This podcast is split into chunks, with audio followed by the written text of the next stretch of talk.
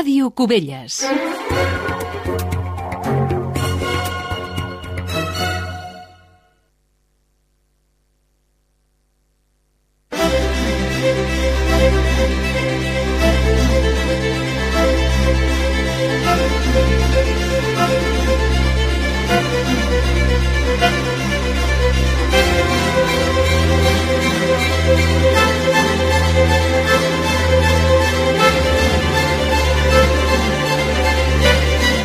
Molt bona tarda, Cubelles. Us parla Pau Ramon des de l'estudi central de l'emissora municipal, des de Ràdio Cubelles, perquè avui, quan passen ara 6 minuts de 3 quarts de 7 de la tarda, avui tenim prevista una sessió ordinària del ple municipal. Es torna a reunir el ple municipal i, a més a més, ho farà de manera presencial, per la qual cosa avui el centre social, des del gener, que no acollia cap ple municipal, torna a la seva activitat institucional i ho farà, això sí, sense públic i garantint la distància entre regidors. Un ple municipal que podreu sentir en directe un cop comenci, d'aquí ben poca estona, a partir de les 7 de la tarda, aquí a Ràdio Cubelles.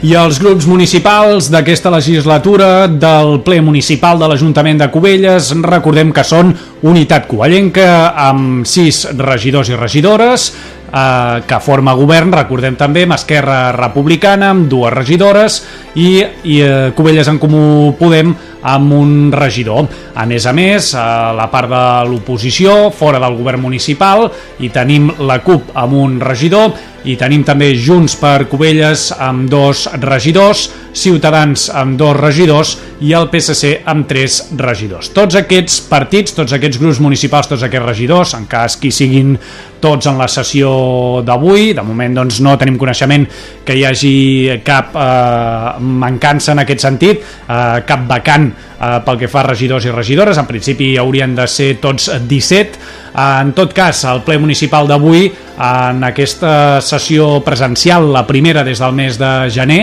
i la tercera sessió plenària d'aquest any 2020, debatrà diversos punts. Anem a fer un repàs de l'ordre del dia del ple municipal d'avui perquè estigueu informats del que es debatrà a partir de les 7 de la tarda aquí al ple municipal de l'Ajuntament de Cubelles. Doncs pel que fa a l'ordre del dia del ple, com sempre, recordem que està dividit en diverses parts. La part informativa no hi ha votacions, tan sols és el govern municipal, en aquest cas l'alcaldessa Rosa Fonoll, la que informa de diverses qüestions que potser s'han decidit en juntes de govern local o que són d'interès general i que per tant doncs, eh, en començar el ple eh, hi ha aquesta part informativa entre diversos punts, per exemple, nosaltres hem volgut destacar que el govern local donarà compte en aquesta part informativa de l'aprovació inicial del projecte urbanístic de recuperació de la plaça del Castell. Aquest projecte ha estat elaborat per la Diputació de Barcelona, una institució que va fer arribar aquest projecte a l'Ajuntament al desembre passat i és un projecte que contempla una reforma valorada amb un pressupost d'uns 480.000 euros i que a grans trets permetria sobretot recuperar les dimensions perdudes en l'esllavissada de l'any 2003. Recordem que la plaça del Castell, la que està ubicada just davant del castell, entre el centre social, eh, Joan Roig i Piera, es pugen aquelles escaletes, tot allò és la, la plaça del castell, doncs es mantindria la, la figuera, els dos arbres que hi ha actualment, però les dimensions es recuperarien tot aquell talús que es va enfonsar l'any 2003 arran d'uns aiguats es eh, reformaria i es recuperaria doncs eh, totes les dimensions senceres de la plaça del Castell. Aquest és un projecte que ja ha passat per les mans del govern municipal, que està valorat en uns 480.000 euros, que ha estat elaborat per la Diputació de Barcelona i del qual en donaran més detalls avui en el ple. Però aquest punt no es votarà, és de la part informativa. Després passarem a la part resolutiva del ple, en què sí que doncs, ja hi poden intervenir també els grups municipals, tots els grups municipals, i en què sí que hi haurà votacions. Entre d'altres eh, tràmits, com per exemple una multa que ha de passar pel ple municipal per eh, qüestions de normativa eh, en relació, doncs es tracta d'una sanció en relació a l'ordenança d'animals, eh, un tema d'una sanció per gossos eh, perillosos, eh, potencialment perillosos, doncs vaja, abans d'aquest tràmit eh, també es votarà en la part resolutiva la designació dels festius locals de l'any que ve, de l'any 2021. El govern municipal proposa que, com sempre, els dos festius locals siguin, d'una banda, en honor als sants patrons Sant Abdó i Sant Sanent, això vol dir el dia 30 de juliol, que sempre és festa a Cubelles el dia 30 de juliol. L'any 2021 caurà en divendres, serà un divendres, eh, i serà festiu, en cas que s'aprovi avui en el ple. I el segon festiu local, eh, recordem que la segona festa major, o la festa major gran principal, és per la Mare de Déu, pel 15 d'agost. És patrona de la festa major, però és un festiu estatal, ja és festa tot arreu. Per la qual cosa, el que farà l'Ajuntament, en cas que s'aprovi, és marcar l'endemà, el dia 16 d'agost de 2021, que caurà en dilluns, com a festiu local, festiu a Cubelles. A més a més, també es debatrà en aquesta part resolutiva una modificació de l'ordenança de tinença d'animals per tal de poder canviar els horaris del Correcant. Recordem que aquest equipament municipal està ubicat al carrer de la Millera, és un espai d'esbarjo per a gossos que té un horari marcat en l'ordenança de tinença d'animals eh, domèstics i que ara eh, aquest horari es vol modificar i per això doncs, es vol modificar el redactat de l'ordenança de manera que sigui més flexible aquest horari i es pugui, amb una resolució des de la regidoria de Medi Ambient, doncs, establir eh, el canvi d'horari, sigui l'hivern, sigui a l'estiu o en moments puntuals que hi hagi canvis d'horari en el correcant del carrer de la Millera. I finalment a la part resolutiva del ple eh, avui dimarts, aquest vespre, es votarà també la declaració del jaciment de la Mota, el jaciment arqueològic de la Mota, eh, que ha descobert doncs, eh, tota una ciutat íbera en aquella zona de la Mota, doncs es vol declarar tot aquest jaciment arqueològic com a bé cultural d'interès local. I és que d'aquesta manera és la màxima eh, distinció eh, que li pot donar l'Ajuntament de Cubelles per la seva protecció i d'aquesta manera, doncs, a més a més, podria optar el jaciment arqueològic de la Mota més endavant a una declaració de bé cultural d'interès nacional pel, per part del govern de Catalunya que encara donaria més protecció i obriria la porta a subvencions per a aquest jaciment Ibar de la Mota. A més a més, també a la part resolutiva del ple es parlarà de l'adhesió de Cubelles a l'Associació de Defensa Forestal del Garraf. Recordem que Cubelles no disposa de cap ADF, que es diu per les seves inicials, i per aquest motiu eh, com que es promou des de Protecció Civil que tots els ajuntaments tinguin una ADF de referència, doncs en aquest cas l'Ajuntament de Cubelles o el govern municipal proposa que Cubelles s'adhereixi a la ADF del Garraf. I després de la part resolutiva del ple, on es debatran tots aquests punts que acabem de comentar, tindrem la part de control. A la part de control és on els grups municipals eh, presenten les mocions eh, i fan les eh, preguntes i els pregs. Pel que fa a les mocions, doncs a l'ordre del dia n'apareixen ja cinc. Hi ha cinc mocions diferents que presenten els grups municipals. La primera de les propostes de moció demana una comissió al Congrés dels Diputats perquè s'investiguin els presumptes delictes de Joan Carles I, el rei emèrit. Una moció que compta inicialment amb el suport dels grups que formen el govern local, és a dir, Unitat Covellenca Esquerra Republicana i Covelles en Comú Podem, i s'hi han sumat també Junts per Covelles i la CUP. D'altra banda, Ciutadans presenta fins a tres mocions diferents en el ple d'avui, una sobre el benestar animal i les colònies de gats, una altra proposa instal·lar aixetes automàtiques als equipaments municipals i conscienciar també de la higiene de mans i un tercer text de Ciutadans demana també eh, reformes millores en la xarxa del clavegram de Cubelles. Finalment, la cinquena moció que apareix a l'ordre del dia, eh, prevista al ple, reclama que el CAP de Cubelles, el Centre d'Atenció Primària de Cubelles, tingui servei les 24 hores. Una moció que rep el suport inicial dels grups del govern, Unitat Covellenca, Esquerra Republicana i Cubelles en Comú Podem. El ple municipal arrencarà d'aquí ben poca estona perquè ja estem pràcticament a les 7 del vespre, hora marcada en, uh, en, com a primera convocatòria, podríem dir així, del ple municipal, que és a punt d'arrencar.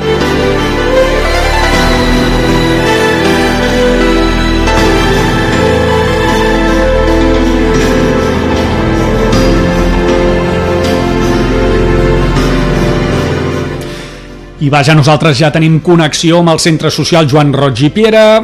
Recordem que avui tenim ple municipal a Cubelles, el primer ple mm, que es podrà reunir de manera presencial des del mes de gener, des del mes de gener que els regidors i regidores no reunien de manera presencial i eh, avui, ara, a partir de les 7, doncs d'aquí ben poca estona, arrencarà aquesta sessió ordinària del mes de juliol, que podreu sentir en directe aquí a Ràdio Cubelles. Des de l'estudi central de l'emissora local us està parlant en aquests moments Pau Ramon i tenim connexió ja amb el centre social Joan Roig i Piera perquè tan bon punt comenci el ple municipal el pugueu seguir en directe aquí a Ràdio Cubelles. Una connexió que està possible també gràcies també als companys del Departament de Comunicació i Protocol de l'Ajuntament de Cubelles, en aquest cas avui en Víctor Lora. Uh, dit això, doncs de seguida arrencarà aquest ple municipal, hem informat de quin és l'ordre del dia, si algú vol més informació doncs la trobarà també a la web de radiocubelles.cat o a la web de l'Ajuntament, cubelles.cat.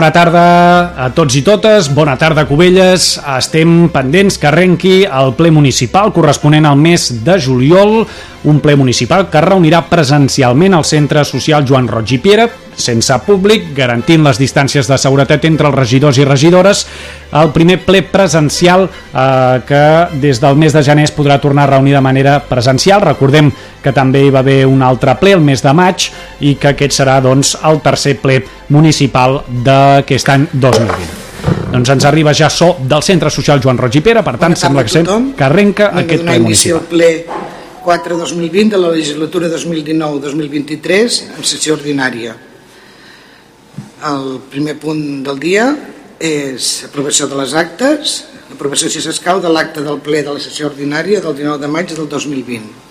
Si hi ha algun comentari o algun tema que voleu parlar, si no passarem directament a la votació. Vots a favor? Abstencions?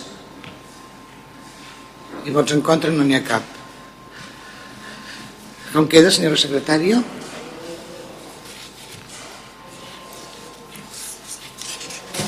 L'acte queda aprovada amb els vots favorables de Unitat Covellenca, Esquerra Republicana, En Comú Podem, SG, Junts per Covelles i la CUP i les abstencions dels grups de Ciutadans i el PSC. Molt bé, moltes gràcies. Anem a passar les informacions de la presidència. El punt número 1 és agraïment de la Generalitat als municipis. En data 20 de maig es va rebre un document de la Conselleria de la Presidència signada per l'honorable senyora Meritxell Budó i Pla, a la qual en nom del govern es trasllada el seu agraïment per l'esforç i implicació del món local en la gestió de la crisi sanitària de la Covid-19. La informació número 2 és la finalització de les obres del sistema de reducció dels sobreiximents al riu Foix, les obres de construcció del sistema de reducció de sobreiximents a les estacions de bombament principal i platja del sistema Cubelles Cunit, conegut com el sistema Vortex, i han finalitzat. La previsió de posada en funcionament està pendent de la interconnexió elèctrica, que Endesa ha informat que farà el proper dia 7 d'agost. Al desembre està previst completar l'adequació de la zona verda de l'entorn de l'obra.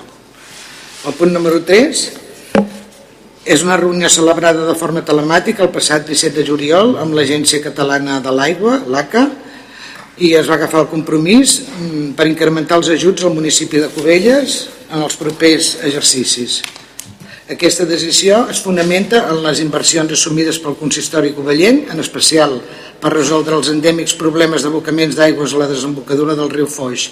Entre els ajuts reclamats per l'Ajuntament destaquen el sanejament i rescabalament ecològic de la llera del riu Foix i la canalització d'aigües pluvials del, del carrer Gesamí de Mastrader. L'AC ha anunciat que si obtenen la subvenció del fons FILE de la Unió Europea, un dels espais beneficiats seria la conca del riu Foix. Un altre punt és que la Regidoria de Cultura i Alcaldia, d'acord amb la Comissió de Festes, han iniciat els preparatius de la celebració de la Festa Major entre el 14 i 16 d'agost, que serà en un format especial per garantir les mesures preventives de la Covid-19. Tots els actes seran amb aforament limitat, inscripció prèvia a través de la web municipal i en espais on es pugui garantir que els assistents estaran asseguts i amb una separació de més d'un metre i mig. El pregó de la Festa Major es manté el dia 14 d'agost per a les 19 hores als Jardins de Can Travé i el 16 d'agost s'està organitzant un acte mm, per recórrer les persones traspassades durant el període de l'estat d'alarma i que no van poder ser degudament acomiadades. Mesures que hem pres arrel de la Covid, les últimes, eh? les altres ja en sou conscients també, però me les volem fer públiques. Eh, hem, aquest consistori ha considerat restringir durant tot l'estiu l'estacionament de vehicles als aparcaments ubicats al litoral marítim de la Mota de Sant Pere i les Salines, amb l'objectiu de prevenir possibles aglomeracions i reduir així el perill d'un rebrot de la pandèmia del coronavirus just quan es registren episodis de contagi a diferents punts del país. També es prohibeix l'estacionament durant l'estiu a tota l'avinguda 11 de setembre, la banda de muntanya, concretament al talús de la via del tren. A banda d'aquesta limitació d'estacionament a la franja del litoral, l'Ajuntament també ha implementat les següents mesures. Megafonia a les platges, s'ha instal·lat un sistema de megafonia a les platges de Cubelles per tal d'informar periòdicament de les recomanacions sanitàries de l'ús de les platges, així com d'altres mesures d'emergència que puguin haver. Treballa en coordinació amb el CAP de Cubelles a través de la senyora Blanca Montcantaner del Consistori Sanitari de Barcelona i Àrea Metropolitana i la directora del CAP de Cubelles, Cristina Gallardo. Estem en contacte permanent per treballar de forma coordinada en les mesures preventives de la Covid-19. I també paral·lelament està fent, estem engegant una campanya de conscienciació ciutadana, sobretot pel que fa la referència a l'obligatorietat de l'ús de la mascareta. I per acabar, el proper 23 de juliol està prevista una reunió amb el director general de la policia dels Mossos d'Esquadra per parlar de la seguretat de la nostra població i demanar més efectius al nostre municipi, especialment davant aquesta situació de gran afluència de visitants al municipi. I respecte a les informacions de la presidència, doncs, ja està. Punt número 3, donar, decret, donar compte dels decrets d'alcaldia, vostès disposen de tots ells donar compte dels temes de personal, també tenen tota la informació, donar compte al ple de l'informe d'intervenció, a més en compliment de l'article 218 del Reial Decret Legislatiu 2 barra 2004 del 5 de març, també tenen la informació, i d'aquesta també tenen la informació, però voldríem fer una petita explicació del punt número 6, que és donar compte al ple de l'aprovació inicial del projecte executiu d'urbanització de la plaça del Castell de Cubelles el seu entorn com tots sabeu, l'any 2003, degut a uns aiguats, es va caure el mur que tenim aquí al davant, de la plaça del Castell. El, aquest consistori té la voluntat de recuperar aquest espai públic pel seu ús, ampliant la seva superfície actual pel refet de, d'haver caigut al mur es recuperen la seva integritat que serien, passarien a tenir 855 metres. Afecta també el carrer Doctor Juncà, es tindran en compte les restes arqueològiques romanes eh, que es portaran les valoracions doncs, quan es duguin a terme.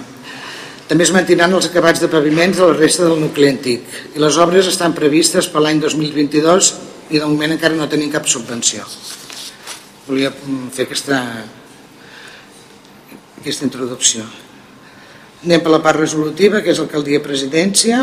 Aprovació, si s'escau, de la imposició de la sanció de multa per infraccions en matèria d'animals de companyia, expedient 2537 barra 2019 971. Senyora secretària, vol llegir els acords, sisplau? Les propostes d'acord són les següents. Primer, imposar al senyor AB amb el NIF, que s'indica la sanció de multa de 2.554 en 31 euros corresponent a les infraccions quina competència sancionadora li correspon al ple amb el següent detall Infraccions tipificades a la llei 50-99 de 23 de desembre sobre el règim jurídic de la tinença d'animals potencialment perillosos. Article 13.1b, infracció molt greu.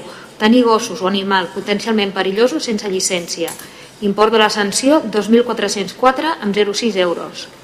Infraccions tipificades per la llei 1099 de 30 de juliol sobre la tinença de gossos potencialment perillosos. Infracció greu, conculcació de l'article 7.3b, no contractar l'assegurança de responsabilitat civil. Import 150 amb 25 euros. Segon, requerir el senyor AB com a responsable de la comissió de les infraccions esmentades a l'anterior acord per tal que procedeixi a ingressar l'import de la sanció que se li ha imposat en el termini i número de compte que s'indiqui a la notificació de la present resolució.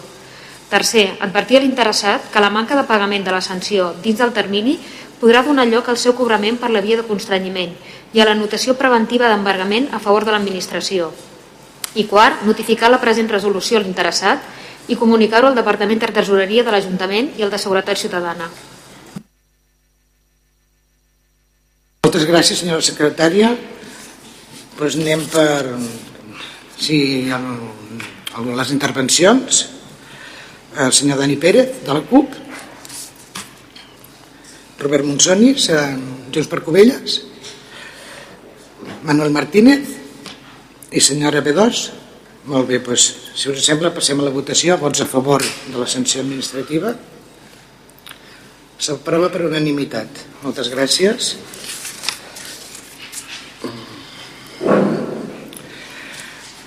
Regidoria de Turisme, Comerç i Fires, aprovació si s'escau de la designació de les dues festes locals per l'any 2021.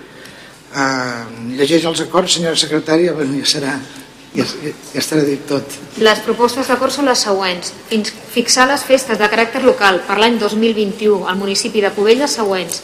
Divendres 30 de juliol de 2021, dilluns 16 d'agost de 2021 i segon, notificar aquest acord al Departament d'Empresa i Coneixement de la Generalitat de Catalunya i comunicar-ho a l'Oficina de Participació i Informació Ciutadana a l'àrea de desenvolupament local. Molt bé, moltes gràcies. Res més a dir. Volia donar la paraula a la regidora, però no, no hi ha res més a dir. Per si hi ha alguna intervenció sobre aquest tema d'algun partit, així no cal que els anomeni. Bé, doncs anem a passar a la votació. Vots a favor? Hi ha alguna... No, no, no hi ha cap intervenció, no? Vots a favor? Disculpeu. Molt bé, s'aprova per unanimitat. Moltes gràcies. El punt número 9, regidoria de patrimoni local, aprovació de la declaració de bé cultural d'interès local, BECIL, del conjunt arqueològic de la Mota de Sant Pere de Cubelles, es proposa la declaració com a bé cultural d'interès local de jaciment arqueològic de la Mota de Sant Pere. Senyora secretària, si vol llegir els acords abans de passar a la intervenció de la regidora. Les propostes d'acord són les següents. Primer, declarar com a bé cultural d'interès local el jaciment arqueològic de la Mota de Sant Pere de Cubelles, segons l'informe tècnic presentat per senyor Dani López Reyes, arqueòleg director de les excavacions arqueològiques i segon, donar trasllat d'aquest acord al Departament de Cultura de la Generalitat de Catalunya perquè en faci la inscripció en el catàleg del Patrimoni Cultural Català i notificar-ho a les entitats socioculturals del municipi de Cubelles. Moltes gràcies. Senyora Corbillo, si vol intervenir en, en aquest punt. Gràcies, alcaldessa. Gràcies, alcaldessa. Eh, Comentar-vos que el conjunt arqueològic de la Mota de Sant Pere, que inclou el jaciment portuari d'època ibèrica, al segle IV abans de Cris i el fortí de la Guerra Civil, es troben en la parcel·la delimitada per l'Avinguda Jaume I i el carrer de la Mota de Sant Pere, trobant-se tots els béns patrimonials en excel·lents estat de conservació. Encara que diferents dècades eh, es van trobar indicis de que podia existir un jaciment portuari ibèric, tant dels anys 60, el 90, els 2000... No és fins al 2018 quan un grup d'arqueòlegs de la Universitat de Barcelona, juntament amb aquest actual govern, aposten per estudiar a fons aquesta joia ibèrica que podrà arribar a ser no solament dels jaciments de l'època més importants del Penedès, sinó de tota Catalunya. Donada la seva importància històrica del conjunt arqueològic a Cubelles, ja que forma part de la nostra evolució com a municipi, de l'espectacularitat en si mateix del jaciment i de l'interès en protegir, conservar, promocionar i continuar estudiant el jaciment portuari, volem dotar-lo d'un nivell de protecció legal que garanteixi el seu futur, amb aquesta categoria de bacil, eh, que seria el segon grau o segona categoria de protecció d'un bé immoble a Catalunya segons l'esmenada llei. Què farem un cop declarat Becil? Doncs continuarem en les actuacions previstes. Les previstes ara mateix a curt termini són retirada de terres excavades, d'herbes, també restauració i consolidació d'un dels edificis més grans i importants del jaciment, que consta de tres habitacions, perquè sigui totalment visitable i continuar excavant posteriorment la resta del jaciment. També, segons eh, les recomanacions de la Generalitat i la Diputació, tornarem a, a, passar, a passar per segon cop al Georadar el 2021, ja que els resultats que hem obtingut amb aquesta, amb aquesta primera mm, fase no acaben de ser de tot clars pel sistema de clavegaram del, del barri i també per la salitat de la platja. Eh, la segona passada la farem en espais municipals, que serà l'antiga discoteca i el Parc Verd al costat del llarciment. Posteriorment dissenyarem i seguirem un pla director, un full de ruta que ens permeti en xic 10 anys apostar per la declaració de primera categoria, el grau de protecció més important que és el bé cultural d'interès nacional BECIN, que és declarat per la Generalitat de Catalunya i equival al BIC, Bien Interès Cultural, de l'estat espanyol.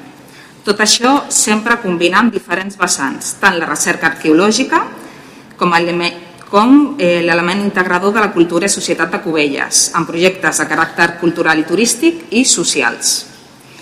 Què passa amb eh, el transformador Endesa de, de la companyia elèctrica? Doncs amb aquest transformador estem valorant les possibilitats del mateix per tal de plantejar-les a la companyia elèctrica, ja sigui en forma de mirador, hem pensat, o bé canviant la ubicació del mateix. I què succeeix amb el xalet La Mota? El que proposem amb aquest eh, ple és la declaració com a bé d'interès cultural Becil del conjunt arqueològic de la Mota de Sant Pere. Per tant, el xalet que es troba en la mateixa parcel·la no estarà declarat d'interès cultural. El que sí que amb aquesta declaració Becil eh, el que comporta és l'obligació de preservar i mantenir aquest espai per assegurar la integritat del valor cultural. Eh, per tant, l'Ajuntament sí que podem cedir aquest espai a l'Associació de Veïns a la Mota, que és actualment eh, la sessió que tenim, però eh, amb aquesta obligació de preservar i mantenir l'espai, que des de l'Ajuntament sabem eh, amb tota certesa que aquesta associació i els seus eh, veïns i veïnes estimen molt aquest jaciment i per tant est estem seguríssims que podran conviure i compartir l'espai sense danyar-lo eh, i respectant-lo res més a dir. Moltes gràcies, senyora Corbilla. Anem a passar a les, a les intervencions dels, dels grups. Senyor Pérez. Senyor Manzonis.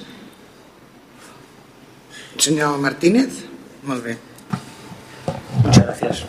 Usted. Bueno, he estado viendo el informe muy correcto, ahora he escuchado a regidora y la verdad que mmm, Me ha, gustado mucho lo que he escuchado. Tenía algo previsto, he anulado algunas cosas porque se me han respondido. Lo único que cuando, en, términos de arqueología, el, diferente prospección que excavación, ya he visto que está separado, que hay un apartado que es la excavación. En el apartado de la prospección todavía el informe no refleja unos límites, es decir, nos podemos encontrar que eso tiene una extensión que puede afectar a ámbito urbanístico. Entonces sería muy interesante, aprovechando que se le da la máxima categoría, se sabe también que eso va a condicionar toda la evolución urbanística del sector en algunos apartados. Creo que ya se tenía un poco en cuenta y se pretendía incluso conocer si llegaba hasta, hasta lo que es la, antigua discoteca central, como se llama. En principio, interesantísimo. Reflejan eh, una escultura la ibérica, una cultura la ibérica que es la base de todo, la medieval, la contemporánea, tenemos ahí una clasificación histórica importantísima y por tanto nuestro voto con este, con este conocimiento pues vamos a votar afirmativamente. Gracias. Muchas gracias, señor Martínez. Um, señora B2. Ah, ja, señor García. Bueno, entenem que aquesta proposta és força positiva i la votarem a favor, tot veient, a més a més, que han recollit la nostra observació de la comissió informativa al respecte de la, del possible trasllat de l'estació transformadora. Això permetrà eh, aconseguir que aquest indret tingui un espai sigui un espai cultural i de referència arqueològica a tota la comarca. Per tant, reitero, eh, votarem a favor de la, de la proposta. Moltes gràcies. Pues anem a passar a la votació. Vots a favor del, de la declaració d'imbecil. S'aprova per unanimitat. Moltes gràcies a tots. Anem a passar al segon punt. El següent punt, perdó. Punt número 10 de la regidoria de Medi Ambient. Aprovació inicial de la modificació de l'ordenança municipal de tinença d'animals. Es proposa... Bueno, vol llegir els acords, senyora secretària? Les propostes d'acord són les següents. Primer, aprovar inicialment la modificació de l'ordenança municipal per la tinença d'animals de la manera següent. L'article 20 ha de quedar redactat de la següent manera. Espais reservats als animals de companyia. Els horaris d'accés als espais d'esbarjo, a excepció de les platges, es determinaran a criteri dels serveis tècnics municipals amb la posterior aprovació per resolució de la regidoria de Medi Ambient. Segon, disposar l'exposició al públic de l'acord d'aprovació inicial i l'esborrany del text modificat per termini mínim de 30 dies hàbils per la formulació de reclamacions i al·legacions, aquesta publicitat es realitzarà mitjançant anunci al BOP, al DOC, en un dels mitjans de comunicació escrita diària i al tauler d'anuncis de la corporació.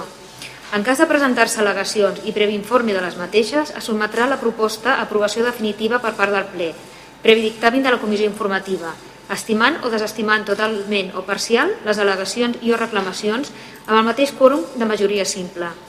Altrament, si durant el període d'exposició pública no es presenta cap reclamació o al·legació, l'acord d'aprovació inicial d'haver definitiu. Tercer, disposar la publicació de l'acord d'aprovació definitiva, així com el text íntegre de la modificat, el BOP i referència al DOC.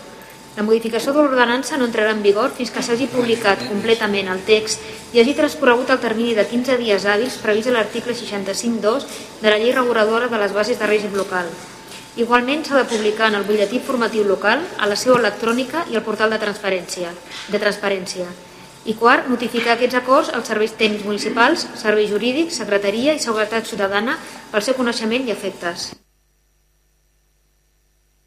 Moltes gràcies. Potser faré una miqueta de una miqueta de resum, que és el que tenia la intenció de fer, però he pensat que no, però ara penso que sí. Amb aquesta aprovació es, es proposa la modificació de part de l'article d'una part de l'article 20 de l'Ordenança Municipal de la Tinença d'Animals per tal que els horaris d'accés als espais d'esbarjo, a excepció de les platges, es determinin a criteri dels serveis tècnics municipals, amb la posterior aprovació per resolució per part de la regidoria de Medi Ambient. Ara sí que li dono la paraula al senyor Alguer, que ell la defensarà, aquest punt. Gràcies.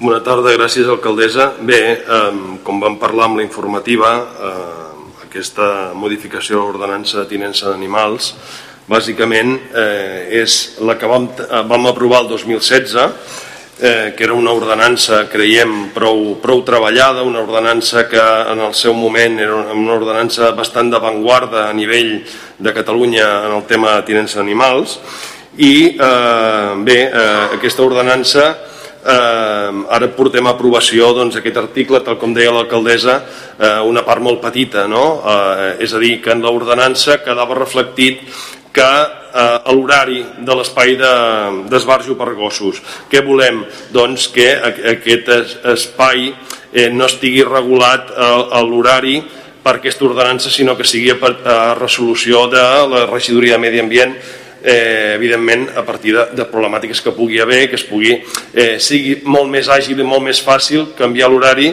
eh, que no pas tingui que fer tot el, el, el que és el farragós de canviar una ordenança que és pues, això, la, la, la portada ple, l'aprovació inicial, les al·legacions, per tant ho volíem fer més àgil.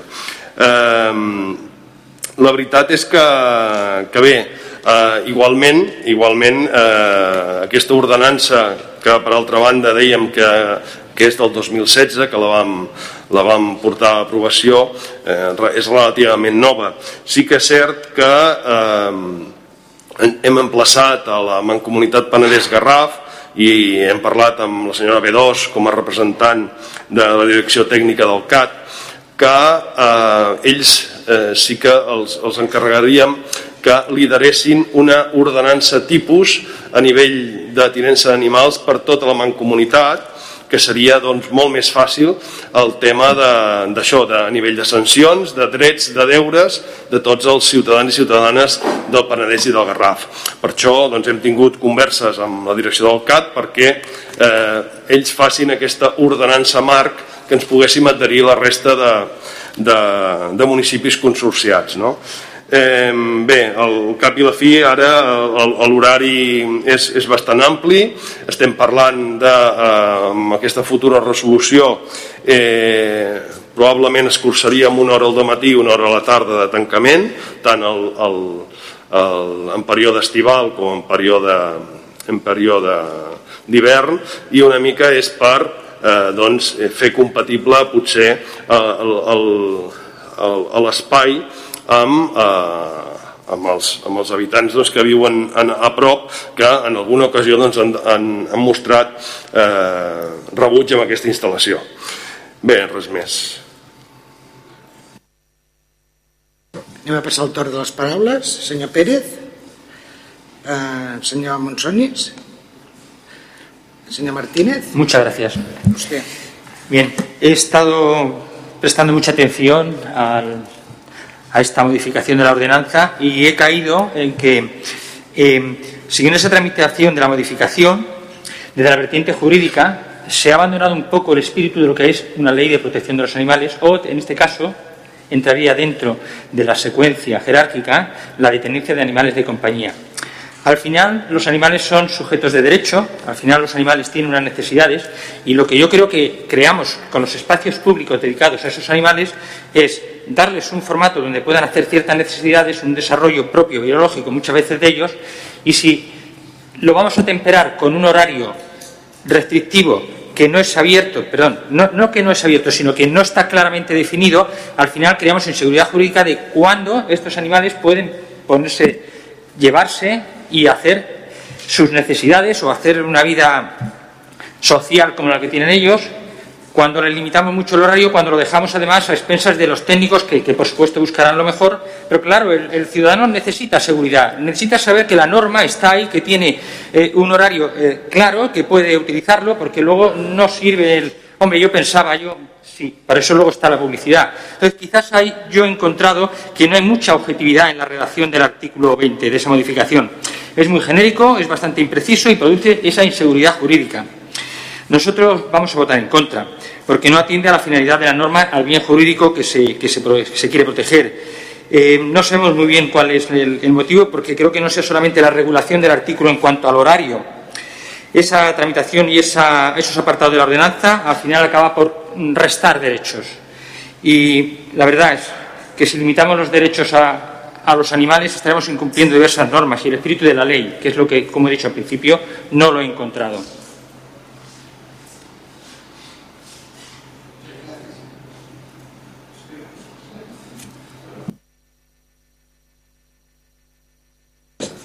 Val. Uh, un momento, por favor. Uh, senyora B2. Sí, jo tinc un dubte, no sé si me'l pot resoldre la secretària. Al dossier hi ha un, un informe que diu que sí que es pot fer a criteri dels, dels, dels serveis tècnics, però en realitat qui hauria d'aprovar aquest canvi d'horari serà el regidor? o sigui, el procediment és, des d'aquest en aquest cas Medi Ambient es fa una proposta de modificació d'ordenança. Es lliura a secretaria perquè l'informe de secretaria és preceptiu. En el primer esborrany de proposta eh, hi havia una, el text es quedava serveis tècnics i deia els horaris d'accés als espais d'esbarjo es determinaran a criteri dels serveis tècnics municipals i ho deixava aquí què deia l'informe de secretaria? Hombre, els serveis tècnics com secretaria, com intervenció, el que fem són informar, proposar, però hi ha d'haver un òrgan administratiu, el ple, la Junta o resolució, que adopti l'acord. I es feien altres consideracions. A base d'aquest informe es fa la segona proposta, que és la que es porta al ple, que diu, evidentment, la proposta serà eh, dels serveis tècnics, però qui resoldrà, qui adoptarà l'acord, serà el regidor de Medi, de Medi Ambient. Perfecte, Clarit, gràcies. Bé, nosaltres eh, votarem a favor perquè mm, diverses vegades en aquest ple justament hem preguntat pel tema dels horaris, pel tema dels veïns i hem eh, donant suport a les reclamacions, no tant en el fons sinó en la, en la forma de reclamacions dels veïns i per tant creiem que aquesta modificació contesta en part de les reivindicacions dels veïns i per tant votarem a favor.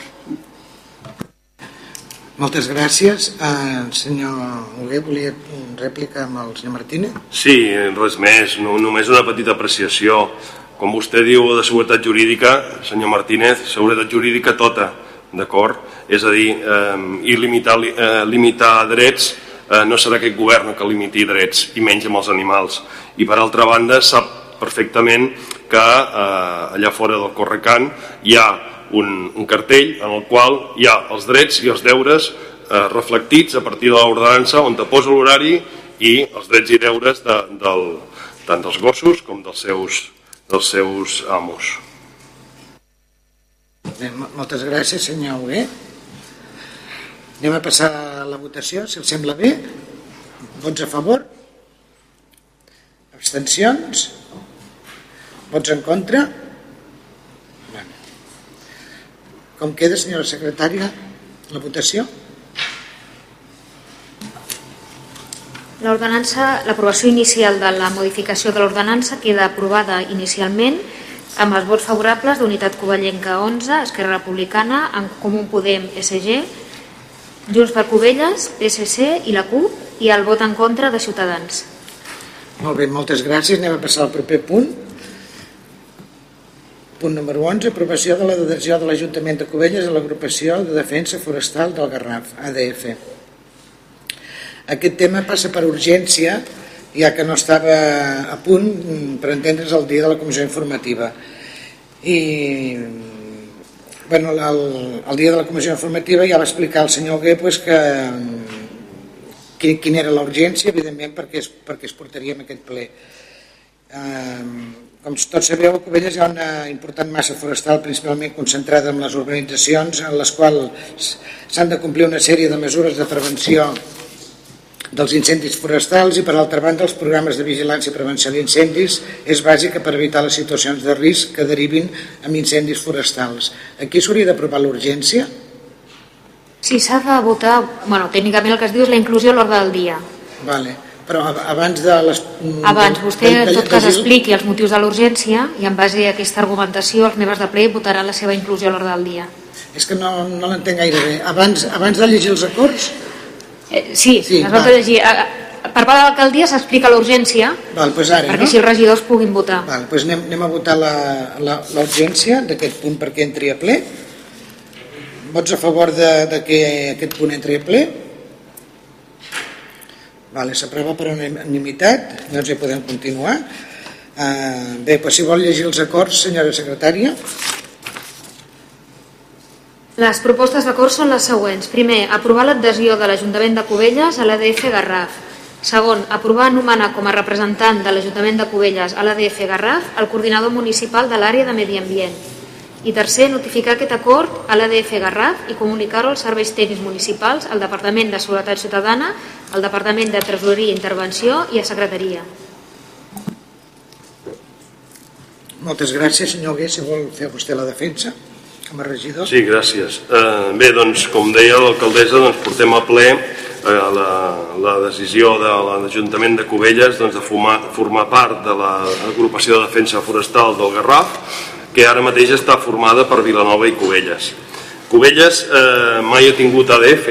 De fet, el 2008 es va intentar formar sense èxit un, una associació de defensa forestal per intentar adherir-se al Puig de l'Àliga Creiem de totes totes que serà aquesta adhesió a l'ADF Garraf del tot beneficiós per Cubelles.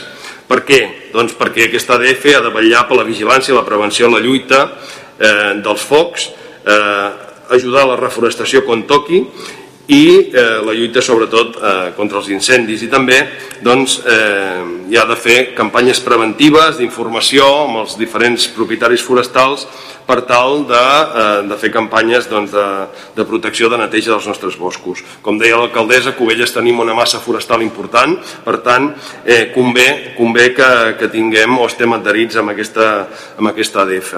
Eh, quin serà el cost d'estar amb aquesta ADF per l'Ajuntament de Cubelles, pels contribuents de, de Cubelles, doncs l'any 2021 tindrem una quota de 2.100 euros. Val? Eh, ara mateix aquesta ADF, com deia, està formada per l'Ajuntament de Vilanova i l'Ajuntament de Canyelles i aquesta ADF a l'actualitat té uns 20 uns 20, eh, 20 persones que, voluntaris, tot, tot això estem parlant de voluntariat, eh, que és el capital humà més important.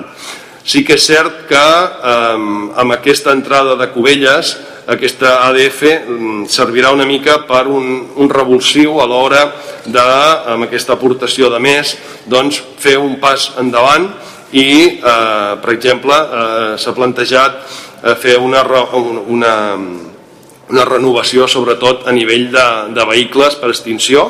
Ara mateix tenen dos vehicles que són molt vells i s'ha plantejat de cara a l'any vinent doncs, fer un renting per tenir un, un cotxe en condicions per anar a atendre les, les prioritats del foc. No?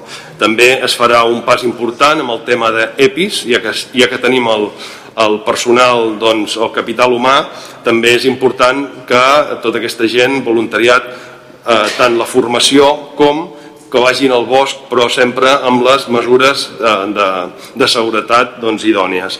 Per tant, creiem que és, un, és una oportunitat per Cubelles, per estar dins de, de, de l'àmbit de l'extinció d'incendis des, de, des de la banda del voluntariat. Ara mateix, repeteixo, aquests 20 voluntaris probablement amb l'adhesió de Cubelles s'hi sumi eh, gent de Cubelles interessada amb, amb la defensa forestal i doncs, eh, només farà doncs, que ser més important a, a l'hora de, de tenir aquest, eh, de vetllar per la defensa i de la guaita dels focs eh, a l'estiu que, que doncs, ja el tenim aquí i, i per això també aquesta importància de passar-ho a aprovació eh, per urgència. Gràcies. Moltes gràcies. Anem a passar el torn de paraula. Senyor Pérez, senyor Monsonis, eh, senyor Martínez. Muchas gracias. Bueno, estamos un poco extrañados escuchar que esto no se haya hecho antes. La verdad es ustedes mismos han expuesto lo interesante que es y los beneficios que tiene. Es una precaución muy buena de cara a los incendios forestales, tener un voluntariado, tener ahí un agente profesional a la vez, tener una formación. Todo es interesante. No sé cómo no lo han hecho antes, porque la cuota al parecer tampoco es una barbaridad. lo dejaremos para, para las preguntas, pero por lo demás creemos que, que, sí que es una cosa muy interesante. Muchas gracias, gracias señor Martínez. Uh, senyora B2, sí.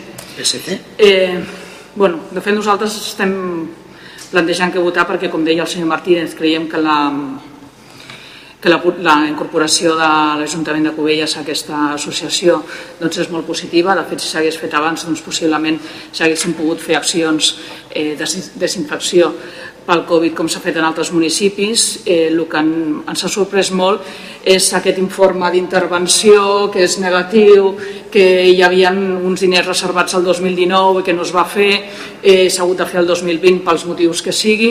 La veritat és que la manera no ens agrada. La mm, incorporació d'urgència al ple i la necessitat de que Covelles estigui en aquesta associació sí que la veiem, però no ens agrada la manera, la veritat.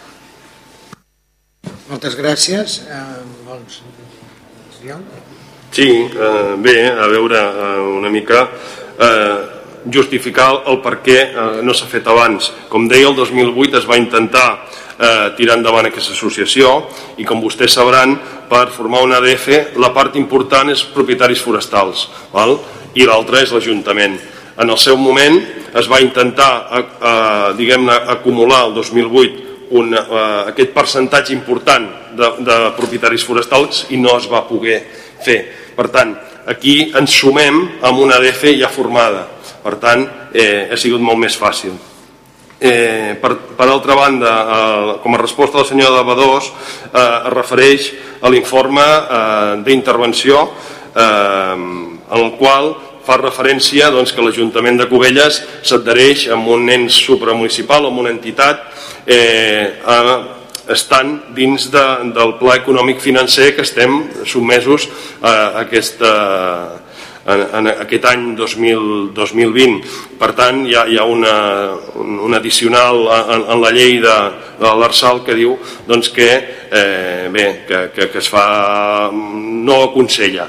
Per tant, eh, nosaltres hem sospesat eh, diguem-ne la importància d'estar dins d'aquesta DF amb el cost que això significava, que són aquests 2.100 euros, i eh, hem cregut doncs, que eh, havia d'anar a ple i per tant el ple subarà per, de, eh, per prendre la decisió de tirar endavant aquesta adhesió. Molt bé, moltes gràcies senyor Hugué. Doncs anem a passar a la votació. Vots a favor de l'adhesió? Molt bé, s'aprova per unanimitat, moltes gràcies. Anem a passar als punts següents, ja entrem a l'apartat de les mocions.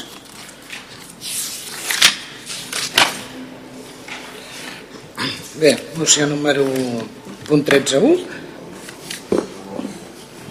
Moció per la creació d'una comissió al Congrés dels Diputats i Diputades per esclarir els presumptes delictes de blanqueig de capital i frau fiscal del rei Joan Carles que presenten els grups municipals de Cubelles, en Comú Podem, Unitat Covellenca, Esquerra Republicana, Junts per Cubelles i Copamunt. Eh, senyor Narcís? Senyor Pineda? Sí, bona tarda. Bé, el, el, el fet de presentar aquesta moció és perquè es va presentar al Congrés i la mesa la, la va rebutjar Llavors eh, el nostre grup pues, ha decidit intentar-la portar en diferents municipis perquè doncs, la, els regidors i les regidores es puguin pronunciar si hauria de tirar endavant o no. La veritat és que cada vegada en relació amb aquest tema estem veient més notícies i, i, i més noves publicacions i no és qüestió, no faré cap discurs eh, catastròfic, intentaré fer un discurs eh, coherent per intentar doncs, recollir alguna, alguna votació que pugui, que pugui estar eh, una mica indecisa encara en aquests moments. No? Eh, dic que aquí hi ha dos punts molt importants. Un és la gravetat de l'assumpte del qual estem parlant i l'altre és la necessitat de per què demanem aquesta investigació. Mireu, el rei emèrit eh, serà investigat pel cobrament d'una comissió de molts milions d'euros per part de l'Aràbia Saudita. I si això ho hagués fet qualsevol altre càrrec públic, avui en dia estaria a la presó. Les actuacions que hem conegut serien greus en qualsevol circumstància, però en un context de crisi econòmica on les famílies estan fent els malabars que estan fent, encara creiem que és més intolerable la corrupció d'aquests responsables institucionals no sigui perseguida. La gravetat dels fets ocorreguts en aquests mesos i l'evidència que existeix entorn d'ells, el que existeix entorn d'ells és tal que s'han obert casos judicials contra l'escap de l'Estat espanyol en altres països. Mai havíem vist que la pròpia Casa Real eh, estigués intentant desvincular oficialment el rei actual de les greus acusacions atribuïdes al seu pare. Una desvinculació que indirectament sembla que implica l'assumpció d'alguns delictes que s'han comès. Comptes no declarats, gairebé 2 milions d'euros de dipòsits en un compte suïssa, trames de blanqueig, frau, cobraments de comissions, etc. És totes les notícies que estan sortint avui en dia. L'ombra d'aquestes acusacions no pot continuar perseguint a la més alta institució de l'Estat. En una democràcia sana i moderna no hi ha cap possibilitat d'utilitzar la més alta institució per a aquestes finalitats. I per què dic eh, la necessitat d'investigar? Doncs la necessitat d'investigar és perquè si la Fiscalia ha iniciat la cerca de responsabilitats penals, ja no hi ha excuses per no iniciar la cerca de responsabilitats polítiques. La decisió de no investigar, de no assegurar informació i transparència, condemna per endavant a la monarquia. Per dignitat de les institucions públiques i per respecte a la ciutadania que té dret a conèixer la veritat. Ningú, amb un mínim d'imparcialitat, pot dir que això no afecta l'interès públic. És difícil, per no dir impossible, imaginar qualsevol monarquia parlamentària europea en aquesta mateixa situació. En defensa del prestigi de la nostra democràcia, defensarem fins al final la transparència, la igualtat de tots davant la llei i el dret de la, de la ciutadania a informar-se i a conèixer la veritat. Persistirem perquè en democràcia ningú pot estar per sobre de la llei. Inviolabilitat no és impunitat, més en quan estem parlant d'un presumpte frau fiscal. Per tot l'exposat, doncs, els demano el vot favorable a, a la moció. Gràcies. Moltes gràcies, senyor Pineda. Anem a passar a la part de les intervencions. Senyor Pérez. Bona tarda.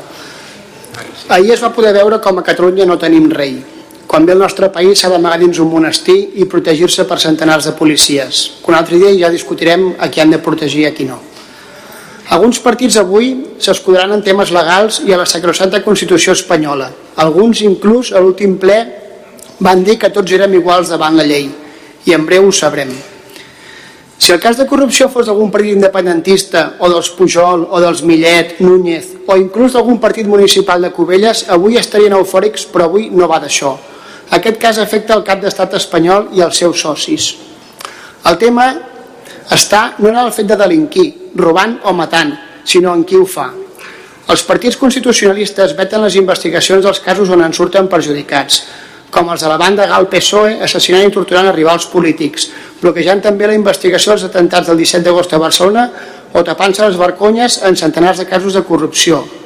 Avui en tindrem una mostra més. Ells en roben i ells s'ho tapen. Alguns partits que per desgràcia han d'acatar la disciplina de vot, tal com ja es va constatar el passat ple del Consell Comarcal, avui no ens donaran cap sorpresa. Us demano dignitat personal. Aquest tipus d'emocions són les que ens apropen o ens allunyen de la ciutadania, segons el que votem, i més en un cas tan concret com aquest, la corrupció. Voteu lliures i parleu clar. Decidiu si esteu al costat del poble defensant els seus drets o esteu al costat de la corrupció. La corrupció que o la combateu o també en formeu part. Com sempre hem d'anar a l'estranger per trobar justícia que l'estat espanyol se'ns nega. Tal com ja cantava el poble català fa segles, si el rei vol corona, corona li darem, que vingui a Barcelona i el coll li tallarem. Moltes gràcies, senyor Pérez. Senyor Monsonis. Senyor Martínez. Muchas gracias. Ya se ha dicho algo. El mes pasado se echó para atrás una petición de creación de la comisión de investigación, donde los que prestaban ese apoyo a que se abriera el Partido Nacionalista Vasco, EH, Bildu, Esquerra Republicana, Junts per la CUN, Bloque Nacionalista Gallego, Compromís. Esa misma moción fue rechazada por la Cámara después de que la Fiscalía hubiera decidido asumir la investigación. Mirando esa moción, comienza diciendo que los medios de comunicación se hacen eco, que los medios de comunicación, para aquí, para allá, todos, todos tienen derecho a la presunción de inocencia. Se ve que el rey no la tiene. Hay que hacerle un juicio también político, paralelo y a través de los medios de comunicación. Nosotros no estamos a favor de la tramitación, entre otros motivos porque la propia Cámara la rechaza, con el informe de los letrados. Desconfiamos de la buena fe de quien presenta esta moción, lo desconfiamos. Mire, están a tiempo de ir contra la corrupción.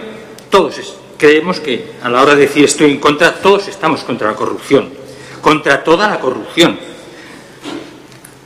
Den mucho ejemplo en limpieza en todas sus actitudes, en todos sus actos de gobierno, en cualquier momento, porque corrupción hay de muchos tipos y hay que evitarla siempre. Mire, de interés general también se ha hablado. El interés general es el que se persigue, es abrirlo. Para mí, de interés general era, por ejemplo, hace 12 años, cuando estaba la ADF, para poderse podido formar, habernos apuntado a la ADF. Y no tanto, desde hace 6 años, estar pagando una cuota muy parecida por la AMI. ¿Qué nos da la AMI? Oiga, usted dirá muchas cosas, pero yo le digo claramente, me da más la ADF. Es un ejemplo. Luego, el destino de las subvenciones, cómo se hacen las cosas, todos tramitando. Uno puede tener ciertos errores, puede tener cualquier cosa, pero hay que perseguir la corrupción siempre. La corrupción la hemos visto y se ha mencionado nombres y apellidos abiertamente y los hay en Cataluña, los hay en Asturias, los hay en muchos sitios. Mientras que funciona la Fiscalía y la Justicia, nosotros presunción de inocencia. Presunción de inocencia. Votaremos en contra. Muchas gracias, señor Martínez. Señora B2. una situació... Està parat? Ah, està, està com, com inter... Ah,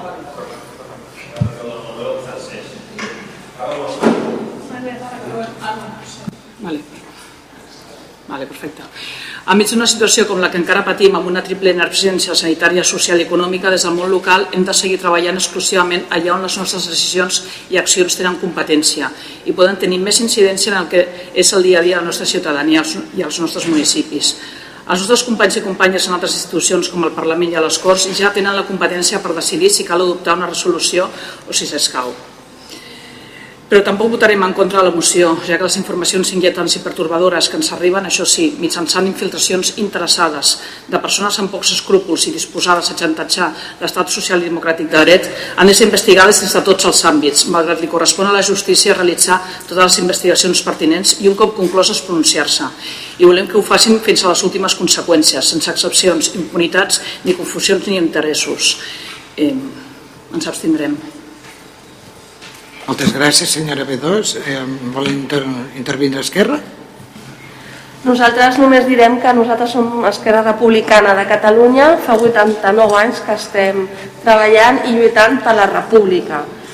És increïble que hi ha hagut esculcolls a moltes dependències de la Generalitat durant molt de temps i a la Zarzuela encara no ha entrat ningú quan encara no hi havia cap judici pendent i res, simplement es, era una presumpció també, com en aquest cas. Per tant, evidentment, estem totalment a favor. Moltes gràcies. Eh, senyor Hugué?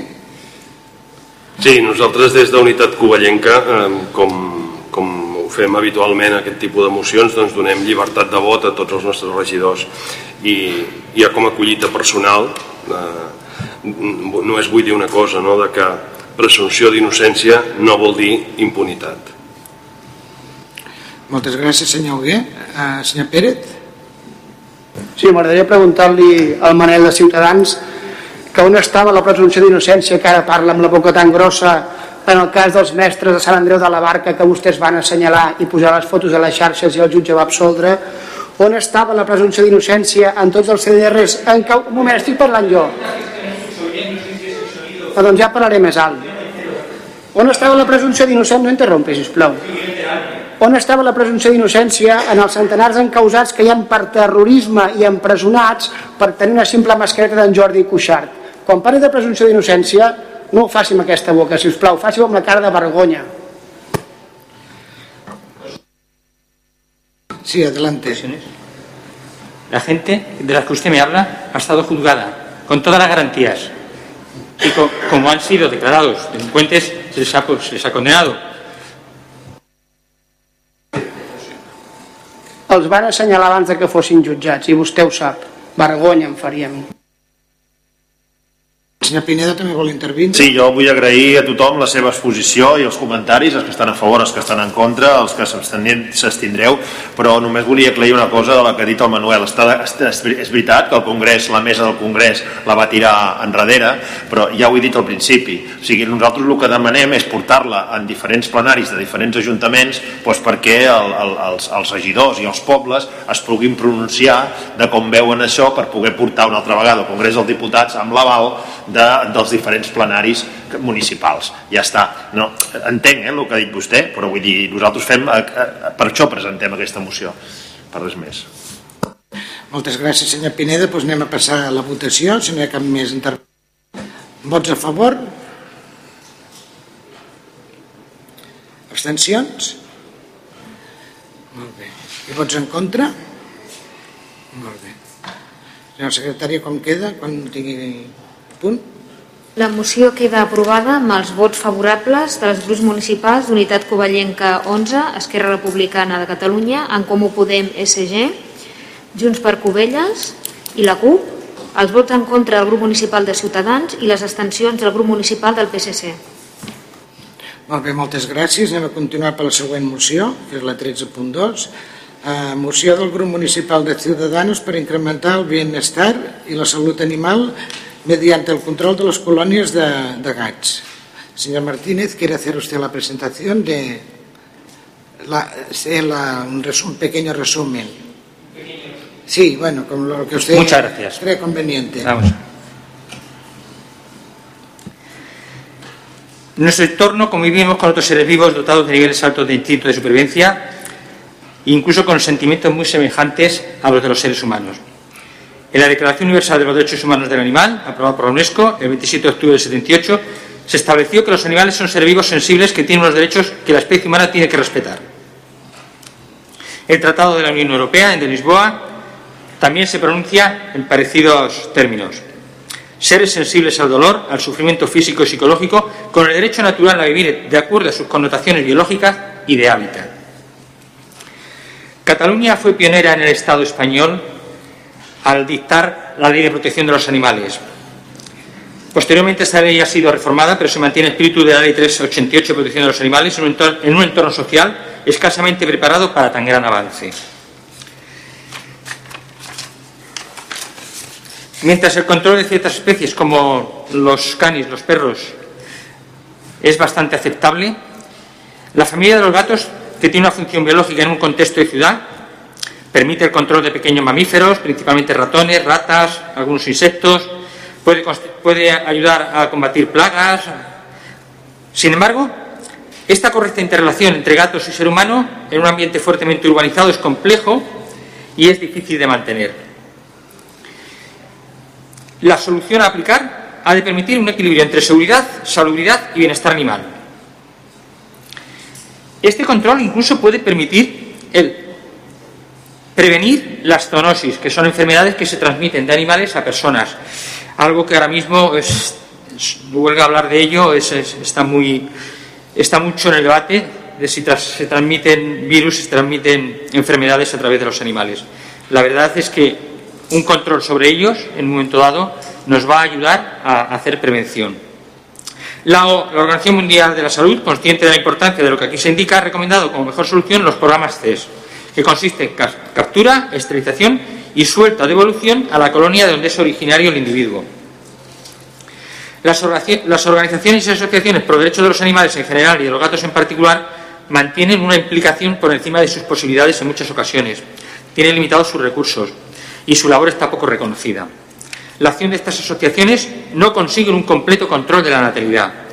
La sanidad de las colonias o la seguridad de los individuos errantes es difícil. En nuestra población hay pocos incentivos de la Administración para la adopción de animales abandonados, para mejorar el sistema de recogida, albergue y cuidado sanitario y entrega en adopción. Y lo poco que se hace queda en manos muchas veces de particulares que podrían reclamar que se cumpla la ley a quienes la ignoran. Tener competencias pasa por la obligación de ejecutarla bajo los principios del derecho administrativo. Por ello, incrementar la protección de la salud y el bienestar animal, dar sostenibilidad a nuestro desarrollo con respeto al medio ambiente y respetando la biodiversidad, el Grupo Municipal Ciudadanos, en este ayuntamiento, propone al Pleno de la Corporación la adopción de unos acuerdos. Estos acuerdos eh, serían pasar por crear una oficina de soporte, control y cumplimiento de la normativa y de aquellos otros que serán efectivos cuando exista un censo de animales domésticos, con chip, la relación con sus legítimos propietarios, tal y como establece la ley, de manera efectiva. Segundo, establecer mecanismos para inventariar colonias existentes en el término municipal con interés a controlarlas y, en su caso, a reducirlas con criterios sanitarios y biológicos de dicha especie. Tercero, incorporar por convenio u otra fórmula adecuada a la prestación de servicio un técnico cualificado en veterinaria y enfermería animal en el ámbito de dicha oficina, que pueda darse de forma efectiva una atención a animales heridos para el control de enfermedades en las colonias, aplicar las esterilizaciones, con vistas a la reducción de la población, así como otras necesidades que en el ámbito callejero no se produce. Establecer reuniones periódicas con las entidades, perdón, cuarto, establecer reuniones periódicas con las entidades de protección de la fauna, asociaciones dedicadas a la protección celina en el municipio o, en los con los municipios limítrofes. Esto contribuirá a la recogida de datos que antes se, se indicó sobre individuos y sobre colonias, contribuyendo a la eficiencia. Y quinto, establecer con las entidades supramunicipales las reivindicaciones de esta moción, la concertación de finalidades amparadas en el reconocimiento del bienestar animal en la declaración de los gatos como seres con derecho a una vida digna animal, a cooperar en la difusión de estas y otras mejoras. Sexto, hacer la difusión por los medios municipales y publicidad de estos acuerdos de pleno. Muchas gracias. Muchas gracias, señor Martínez. Anem a Pérez, senyor Monsonis.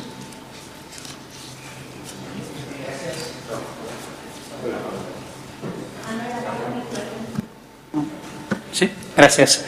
No, nosaltres eh, des de Junts per Covelles eh, som sensibles amb tot el que és el fet animalista i creiem doncs, que com a societat qualsevol mesura que es faci per millorar les nostres colònies d'animals doncs, és, és positiu i diu molt de nosaltres com a societat.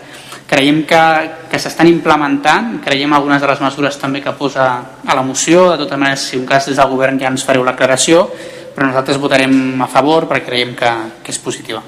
Gràcies.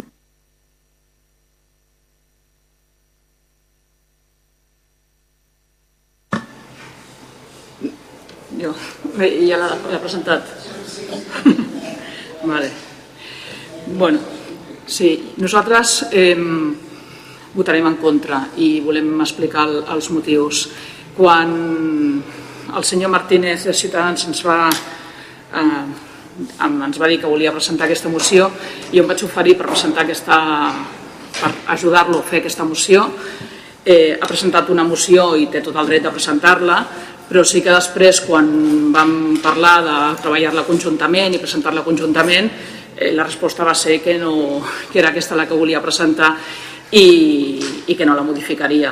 Per tant, nosaltres és una moció que hi ha alguns punts, sobretot nosaltres estem d'acord amb el punt cinquè, en el que diu que als gats eh, se'ls hauria de declarar certs amb dret a una vida, vida digna i animal. De fet, nosaltres el que voldríem és, si avui no s'aprova la moció, és de cara al un proper ple treballar-ho conjuntament, segurament amb el, amb el govern i amb l'Ajuntament, eh, per eh, recollir, com deia el senyor Martínez, la realitat de que els gats sí que són uns éssers eh, diferents de la resta d'animals i que hi ha municipis com el municipi proper de Vilanova que ha estat eh, pioner a l'hora de considerar els animals com a ciutadans i per tant creiem que algun tipus de reclamació sí que s'ha de fer però no ho farem amb una moció amb la que no ens sentim a gust. Llavors, doncs, jo emplaço de cara a un proper ple a treballar una moció conjunta en aquest sentit, però aquesta la votarem en contra. Gràcies. Moltes gràcies. Um, um, senyora Soler? Senyor Gué? Sí, gràcies. Um, bé, aquesta moció és d'aquelles genèriques que vostè la podia presentar tranquil·lament al, al municipi d'Abrera, al Mendralejo i a, i a Sant Xenxo. Val? Per tant, jo li explicaré, senyor Martínez, quin és el, quina és la feina que ha fet l'Ajuntament de Cubelles eh, amb el tema dels gats i, i li, centraré, li centraré a Cubelles. Sàpiga que l'Ajuntament de Cubelles va ser pioner a la comarca el 2014 eh, en tenir una colònia controlada de gats de carrer. Va ser a partir de l'experiència de eh, Sant Boi i de Vilafranca, que aquest regidor que ara el parla, va eh, fer l'embrió de la futura colònia que es va inaugurar el 2015, que, que jo ja no estava al govern. No? Eh, en primer lloc, eh, abans de, de, de seguir fent una mica d'explicació de quin és el, el, com tenim les colònies de gats a Cubelles, eh, m'agradaria donar les gràcies a l'excel·lent feina que fan els voluntaris de les dues entitats de gats que tenim al municipi de Cubelles. Una és Gats de Carrer de Cubelles i l'altra és l'associació de peluts. Sense aquesta ajuda, aquesta col·laboració generosa i, desinteressada per part d'aquestes associacions, seria del tot inviable que el municipi de Cubelles fem el que fem amb el tema animal. Per altra banda, explicar-li que a Cubelles tenim un acord amb la Mancomunitat, amb el Centre d'Acollida d'Animals de Companyia, que cada any al municipi de Cubelles, amb el tema de recollida de gats eh, perdó, recollida d'animals de companyia com els gossos eh, i els gats, ens gastem 46.000 euros a l'any. D'aquests 46.000 euros, el programa CES, que vostè parla de capturar, d'esterilitzar i, i de suelta, doncs eh, la fa l'Ajuntament de, de Cubelles des de fa molts anys. De fet, aquesta colònia d'animals, que el convido un dia a visitar, aquesta colònia de gats, eh, està a la carretera que va de Corral d'Ancona a, a, al Salsa. Eh? El convido a que ho anem a veure un dia i li presentaré tal, tal com, a, com estan en les condicions que estan. Aquesta, aquesta colònia d'animals té la supervisió per part dels, dels veterinaris de, del Centre d'Animals d'Acollida i, com li deia, nosaltres, o el consistori, es gasta a l'any uns eh, 3.400 euros amb esterilització d'animals, aquest eh, 2019 s'ha gastat això, i eh, en quant a eh, animals que s'han fet aquesta castració i tornada al carrer, aquest any s'han fet més de 100 castracions d'animals. Per altra banda, també tenim un programa d'aportació d'uns 4.000 euros en eh, pagar el pinso que tenen de la gatera, que, que és a titularitat municipal, el paga l'Ajuntament de Cubelles i aquest any 2019 hem fet una aportació total de més de 4.000 euros. També eh, l'Ajuntament de Cubelles col·labora amb una altra red molt important que són les alimentadores de carrer. Val? Hi ha una red de persones que desinteressadament aquests gats, eh, diguem-ne que, no tenen, que no tenen amo, doncs eh, tenen un carnet d'acord amb la policia local perquè poden fer doncs, l'alimentació d'aquests gats de carrer. Per tant, eh, una mica és posar-lo al dia de quina és la política que s'està fent a Cubelles en quant a això, eh, en quant al programa CES, dir-li també que de cara al pressupost 2020, que en breu serà presentat al consistori, doncs l'Ajuntament de Cubelles té la, la prioritat o una de les propostes serà incrementar aquests, eh, pràcticament doblar aquest, eh, dels 4.000, 5.000 euros que ens gastem a l'any amb esterilitzacions a 10.000 euros. I per altra banda dir-li això, que a part d'aquests diners eh, o aquestes esterilitzacions que fa per part de la Mancomunitat també hi ha una sèrie d'esterilitzacions que van fent aquestes dues associacions importantíssimes que des d'aquí, de veritat, públicament entrega el barret que treballen a Cubelles. Gats de Cubelles, gats de carrer i peluts. Gràcies. Muchas gracias, señor Gué. Señor Martínez, también réplica. Muchas gracias. Escucho y no es para tirar cohetes, la verdad, porque me va a enseñar usted cómo va a funcionar el tema de los datos aquí en Cubellas y lo estoy viendo. Desgraciadamente no ha sido la primera vez ni creo que no será la última que he tenido que acudir a las asociaciones y todas me ponen al día de cómo están. No es para tirar cohetes, no. Aquí lo puedo hacer, pero en la calle yo sé lo que hay. Este año pasado, en una franja, he tenido que recoger hasta siete gatos para llevarlos, a pedir que una asociación me esterilizara. Me cuesta. Siguen creyendo. Usted me dice unas carreteras por donde dice que, que me acompañaría, que me llevaría. Oiga, mire, las conozco bastante, transito muchísimo. Quizás lo que más hago es transitar y veo gatos abandonados y gatos sueltos sin estar señalizados de que les hayan, que le hayan puesto la señal de haber pasado por un centro donde los hayan esterilizado a montones, a cientos. Da mucha lástima ir por las carreteras como voy y verlos atropellados. Usted me dice que fueron pioneros en el 2015 en toda Cataluña. La ley de protección de los animales de 2003 no es para tirar cohetes, aunque sean los pioneros. Esto está mal. No digo que tengan ustedes la culpa ni que sean lo peor, quizás sean hasta de lo mejor, pero no es para tirar cohetes, señor Hugué, de verdad. Eh, por cierto, si me permite terminar con aprovechando. Por supuesto que en el momento que presente una moción y la estudiemos, no le quede la menor duda que será vista con los mejores ojos, bastantes, y procederemos a apoyar. Porque para eso está el diálogo parlamentario, para hablar, para mejorar. Si yo no he llegado a convencerla a usted, no tenga la menor duda de que yo haré un esfuerzo para que usted, en su próxima moción sobre los animales, haga todo, lo posible, haremos todo lo posible para avanzar. Muchas gracias. Sí, tant que sí.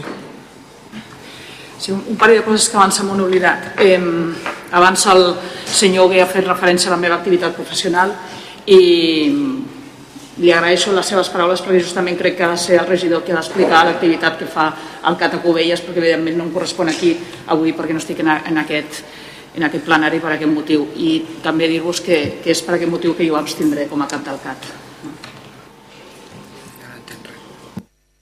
Bé, doncs si no hi ha cap més paraula anem a passar a la votació. Vots a favor de la moció de, de, dels gats? Abstencions? Vots en contra?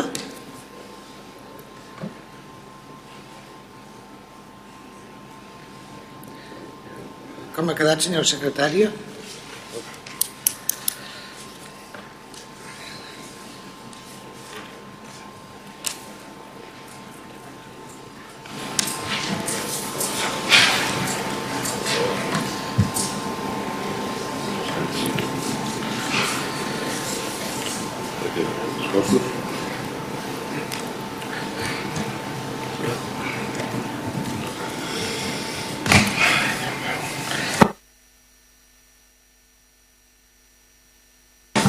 La moció no queda aprovada amb els vots favorables dels grups municipals de Ciutadans i Junts per Covelles, les abstencions eh, de la senyora Badós i els vots en contra d'Unitat Covellenca 11, Esquerra Republicana, en Comú Podem, SG, la senyora Planes i el senyor Garcia del PSC i el grup de la CUP.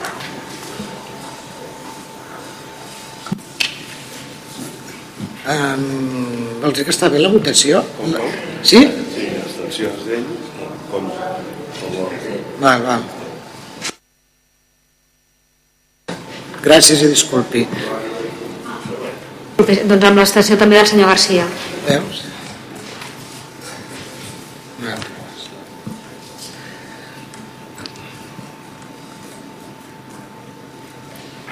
Bueno, ja està ratificat, eh? Molt bé, anem a passar a la següent... Val. Anem a passar a la següent moció. Moció del grup municipal de Ciudadanos para hacer frente a la pandemia mediante grifos automáticos en los lavabos lavamanos de las dependencias municipales y fomentar la concienciación sobre el lavado de las manos. Señor Martínez. Muchas gracias. El SARS CoV-2, coronavirus, ha sido el último virus conocido detectado que provoca la COVID-19 con un alto vector de contagio, causando cientos de miles de personas contagiadas y muertas en todo el mundo y dejando unas consecuencias económicas y sociales de dimensiones difíciles de cuantificar. Nos hemos concienciado que las enfermedades infecciosas que pueden ser producidas por patógenos como virus, bacterias, microorganismos en general, incluso priones de partículas proteicas, tienen un potencial preventivo alto cuando se conocen las vías por las que acceden a provocar la infección en el organismo humano. Los escasos estudios más recientes permiten inferir que la vía de transmisión es principalmente aérea, por fluidos corporales y por contacto con objetos contaminados. Si bien la piel está concebida para hacer de barrera en los contactos directos con los virus, a través de las manos puede ser transferido a los puntos más franqueables contra la penetración, como los fluidos de ojos, nariz, boca, etc. Estamos en condiciones de asegurar que el principal puente de transmisión después de la propia respiración son las manos. La Organización Mundial de la Salud, desde la aparición del SARS-CoV, ha alertado de la importancia y necesidad de un correcto lavado de manos, estableciendo como el de máxima eficacia el lavado quirúrgico con agua y jabón de 40 a 60 segundos de duración.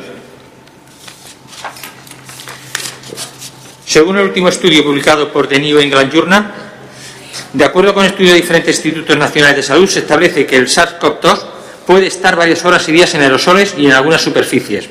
Es por este motivo que el hecho de tocar el grifo de la pica del lavabo puede ser uno de los vectores de contagio de gran importancia.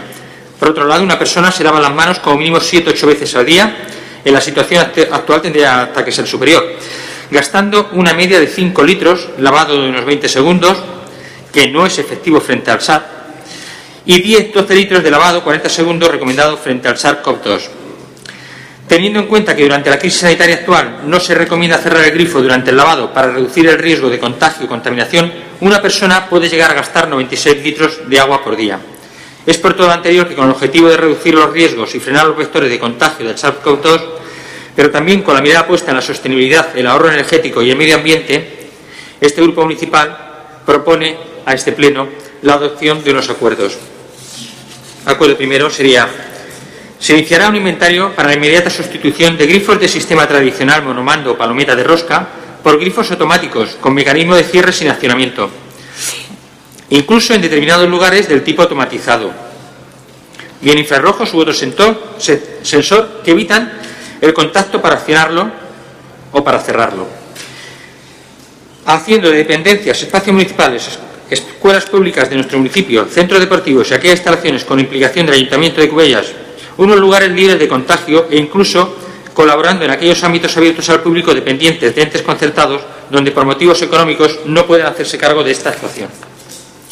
Segundo, se insertarán en los medios de comunicación públicos dependencias y entes de este ayuntamiento las cuñas publicitarias destinadas al público en general, al turismo y una vez empezado el año lectivo en las escuelas sobre la importancia y técnicas del lavado de manos. Tercero, hacer extensiva esta iniciativa a todos los actores públicos y privados de nuestro municipio para que se puedan llevar a cabo, en especial en los centros de recolección, distribución y manipulación de alimentos. Cuarto, hacer la difusión por los medios municipales de publicidad de este acuerdo. Muchas gracias, señor Martínez. Uh, senyor Pérez. Bona tarda. A veure, no ens queden clar el tracte d'una moció de què va. Uh, no veiem clar si l'Ajuntament ha de participar a instal·lar aixetes d'aquestes característiques en llocs concertats o privats. No sabem si fins a quin punt té competències. I una observació que he vist en les mocions de Ciutadans, que afecta totes, que crec que els mitjans d'informació públics, inclús poders privats, haurien de ser lliures i plurals a l'hora d'informar no? i que no estiguessin condicionats a, a donar certes informacions que s'han votat en un acord de ple. Gràcies. Moltes gràcies, senyor Pérez. Senyor Monsonis. Sí, gràcies. Des de Junts per Covelles considerem que totes les mesures que facilitin doncs, que no hi hagi propagació de, en aquest cas la Covid-19 i d'altres virus doncs creiem que són positives i que no estan de més, per tant eh, les votarem, votarem a favor d'aquesta moció. Senyor, senyora Núria Martínez. Sí. Des de l'aparició del coronavirus s'ha vist incrementada la necessitat de rentar-se les mans correctament durant 40 o 60 segons i la importància de no tocar superfícies, més enllà de, de l'estrictament necessari, i alhora mantenir la preocupació per no baratar un bé limitat que és l'aigua. Per tant, nosaltres votarem a favor d'aquesta moció per tal d'utilitzar qualsevol innovació tecnològica que tingui com a objectiu minimitzar els riscos i frenar factors de contagi i fer un ús sostenible de l'aigua a les instal·lacions municipals.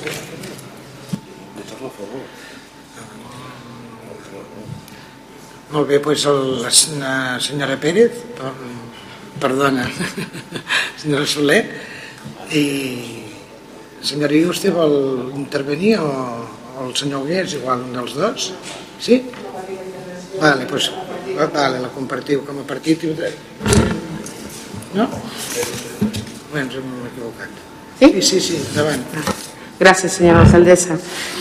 Eh, a veure, el, el tema hi ha una cosa molt senzilla en aquest tema del rentat de mans.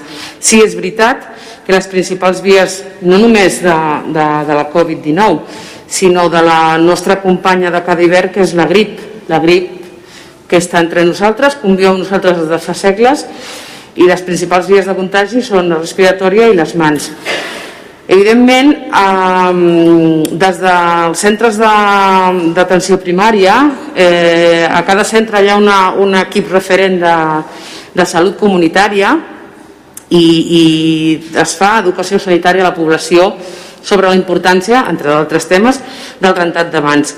Als centres educatius també ja fa anys que, que s'estan introduint sessions i campanyes de, dels nens, de com s'han de rentar les mans i de la importància que té. Aquestes campanyes s'incrementaran també eh, properament eh, a, a través dels equips de, de, de salut i escola dels centres d'atenció primària, no només aquí a Cubelles, sinó a tota Catalunya.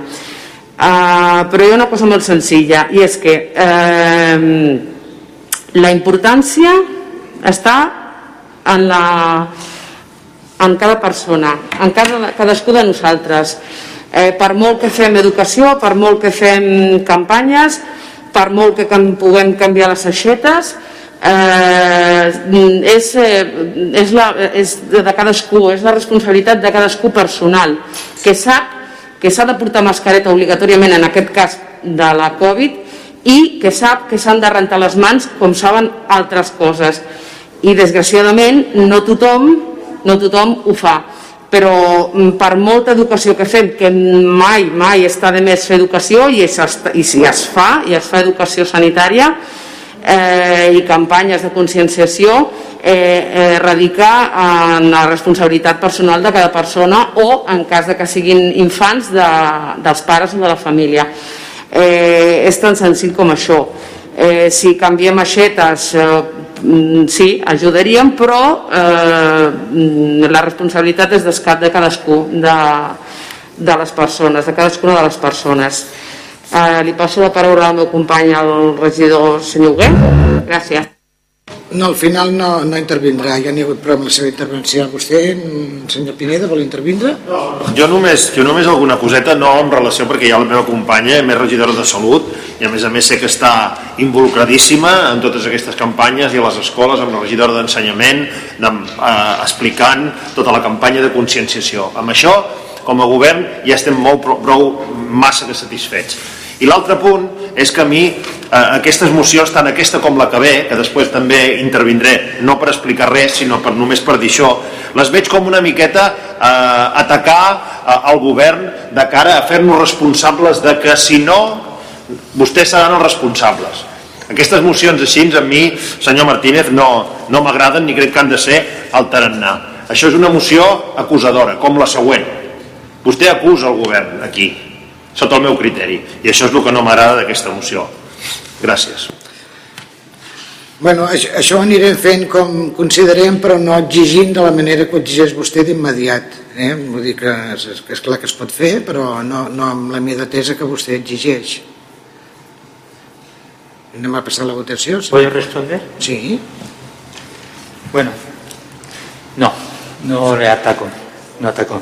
Si quizás lo que usted pretende es que nosotros no ejerzamos una acción de control de nuestro propio nuestra propia corporación en la parte que nos, incumbe como oposición o que no presentemos propuestas o que las presentemos a su gusto, evidentemente que no estaremos nunca de acuerdo. Pero de ahí a, acusar de lo que pretende es, bueno, está en su derecho. La interpretación es suya, no es así. Si quisiera hacerlo, le diré, en el último pleno, perdón, en la reunión de la comisión que hicimos por el coronavirus, eh, las personas más implicadas en sanidad, todos tenemos aquí, no creían en las mascarillas. Yo anuncié que quería mascarillas en la reunión y distancia. Se dio la distancia, pero las mascarillas porque se nos dijo muy abiertamente que estábamos en una distancia que no podía, que no, no había nada que ver y en espacio cerrado está demostrado que sí. Si yo quisiera haber utilizado eso, lo hubiera expandido por todos sitios. Se puede hacer, se podría haber dicho. Pero no, no lo hice. En aquel momento no lo hice. Si uno quiere atacar por cualquier cosa, hay mucho motivo. Si usted me podrá atacar a mí. Todos nos podemos atacar. Pero ver en una moción más allá de lo que hay, y más en esta, que ha sido aprobada en casi todos los sitios donde se ha presentado, bueno, tienen un criterio un poco sui generis. Le recuerdo que fue usted el que dijo que de lo que venía de Ciudadanos, ni una. No íbamos a hacer el camino nunca juntos. Daba igual el camino, pero lo dijo muy clarito. Sigue usted en la misma tónica. Sí, con todo cariño. Uh, la verdad es que aquí está la diferencia de un PREC, le decía la secretaria, a una moción. Si usted presenta esto como PREC, el gobierno, como lo ha dicho la señora alcaldesa, podemos estudiar y mirar a ver si a nivel presupuestario, si a nivel de lo que sea, podemos hacer cualquier acción. Se podría estudiar. Pero usted lo presenta como moción. Y al presentarlo como moción, es cuando pasa todo esto. Y mire, le voy a decir otra cosa en relación a los ciudadanos. Como muy bien sabe usted, estoy en el Consejo Comarcal también, ¿vale? Como representante de la nueva coalición de los comuns. Y allí en el Consejo Comarcal no he actuado como, usted, como estoy actuando aquí. Porque por estas mociones, o por la cuestión de todas estas mociones, aquí dije lo que dije, de que las mociones de Ciudadanos las tumbaríamos. En cambio, en el Consejo, con el tarannà que lleva su grupo, por ejemplo, en alguna me abstenido. No tengo que decir más. Bueno, pues sí. Es que no hemos hablado de lo que yo he dicho. Bien. Moción, arma de destrucción masiva. Eso es para usted una moción. ¿No? Un ruego es un ruego, una moción es una moción, es una propuesta que hago para unos acuerdos y usted puede cambiarle el nombre, puede hacer lo que quiere, decir que es un arma de destrucción masiva. No hay ningún problema. No nos entendemos. En ese ámbito, no. Córrer. Bueno, anem a passar a la votació. Vots a favor de la moció? Abstencions? Vots en contra?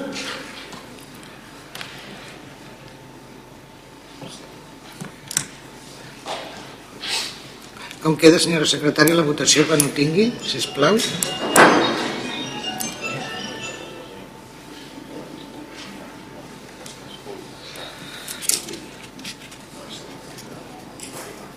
La moció queda denegada amb els 7 vots favorables corresponents als grups municipals de Ciutadans, Junts per Covelles i el PSC, cap abstenció i els 10 vots en contra dels grups d'Unitat Covellenca, Esquerra Republicana, En Comú Podem, SG i la CUP. Molt bé, moltes gràcies. Anem a passar al punt 13.4, que és la moció del grup municipals de Ciutadans sobre la problemàtica de la xarxa de clavegram proposant la seva inmediata solució amb adopció de mesures. Señor Martínez, ¿quiere hacer su presentación? Por favor. Muchísimas gracias, señora presidenta. La llei 785 de 2 d'abril, reguladora de les bases de règim local, estableix a l'article 25 que l'Ajuntament exercirà els termes de legislació de l'Estat i les comunitats autònomes, entre d'altres, les següents competències. Protecció del medi ambient, protecció de la salubritat pública, clavegueram i tractament d'aigua residual. Així mateix, segons l'article 5 del decret legislatiu 3-2003 de 4 de novembre, pel qual s'aprova el test reforç de la legislació en matèria d'aigües de Catalunya, corresponen als ens locals, d'acord amb la legislació de règim local, amb la de sanitat, amb les previsions d'aquesta llei, les competències relatives als àmbits següents. l'abastament d'aigua potable, el clavegram i el tractament d'aigua residual, el control sanitari de les aigües residuals, l'exercici de les funcions que aquesta llei els atribueixen. És ben coneguda la problemàtica que per diferents causes fan que la xarxa de clavegueram de Cubelles no tingui les dimensions suficients per transportar les aigües residuals fins a l'estació de bombeig i depuració. També és coneguda la conseqüència que es produeix per ser un tipus de xarxa unitària en un 60% quan es col·lapsa per l'excés de volum d'aigua residual i aquesta acaba abocada a rieres, a desembocadura del riu Foix i a la platja. Aquest és un problema reconegut per part de l'Ajuntament des de l'any 2006 i sorprenentment continua sense resoldre encara que amb anys s'hagi anat agreujant degut a la deixadesa o incapacitat per donar a la població d'una xarxa de clavegueram actualitzada, útil i ajustada a les lleis mediambientals. Els abocaments d'aigües residuals han augmentat i també l'impacte sobre el medi ambient, concret sobre la zona protegida, xarxa Natura 2000 i espai d'interès natural. En aquest espai, en el que està prohibit realitzar abocament d'aigua residual, es pot comprovar per la quantitat d'algues i putrefacció la freqüència de l'arribada d'aigües fecals. Això perjudica les espècies protegides, algunes en perill d'extinció i a tot l'ecosistema de la zona. Aquest abocament també té un impacte directe sobre les persones que transiten pel camí que creua la ribera, just al costat d'on té lloc el focus de la contaminació, sota el font del ferrocarril com a pas alternatiu més directe i curt per arribar a l'institut i als pavellons esportius. Per aquest pas s'observa la contaminació produïda per les aigües residuals que quan s'evapora queda una pols on es concentren les bacteries i germes infecciós. És evident que quan les persones caminen, caminen per sobre d'aquesta pols també la respiren i poden tenir conseqüències greus sobre la salut.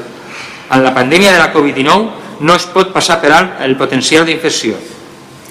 Des del grup municipal ciutadà creiem que l'equip de govern és actualment responsable directe sobre la continuïtat dels abocaments que poden produir un greu problema de salut pública i contaminació del medi ambient, ja que algunes de les causes s'agreugen amb els permisos i llicències d'obres atorgat de forma irresponsable a permetre la connexió de més caudal a una xarxa saturada.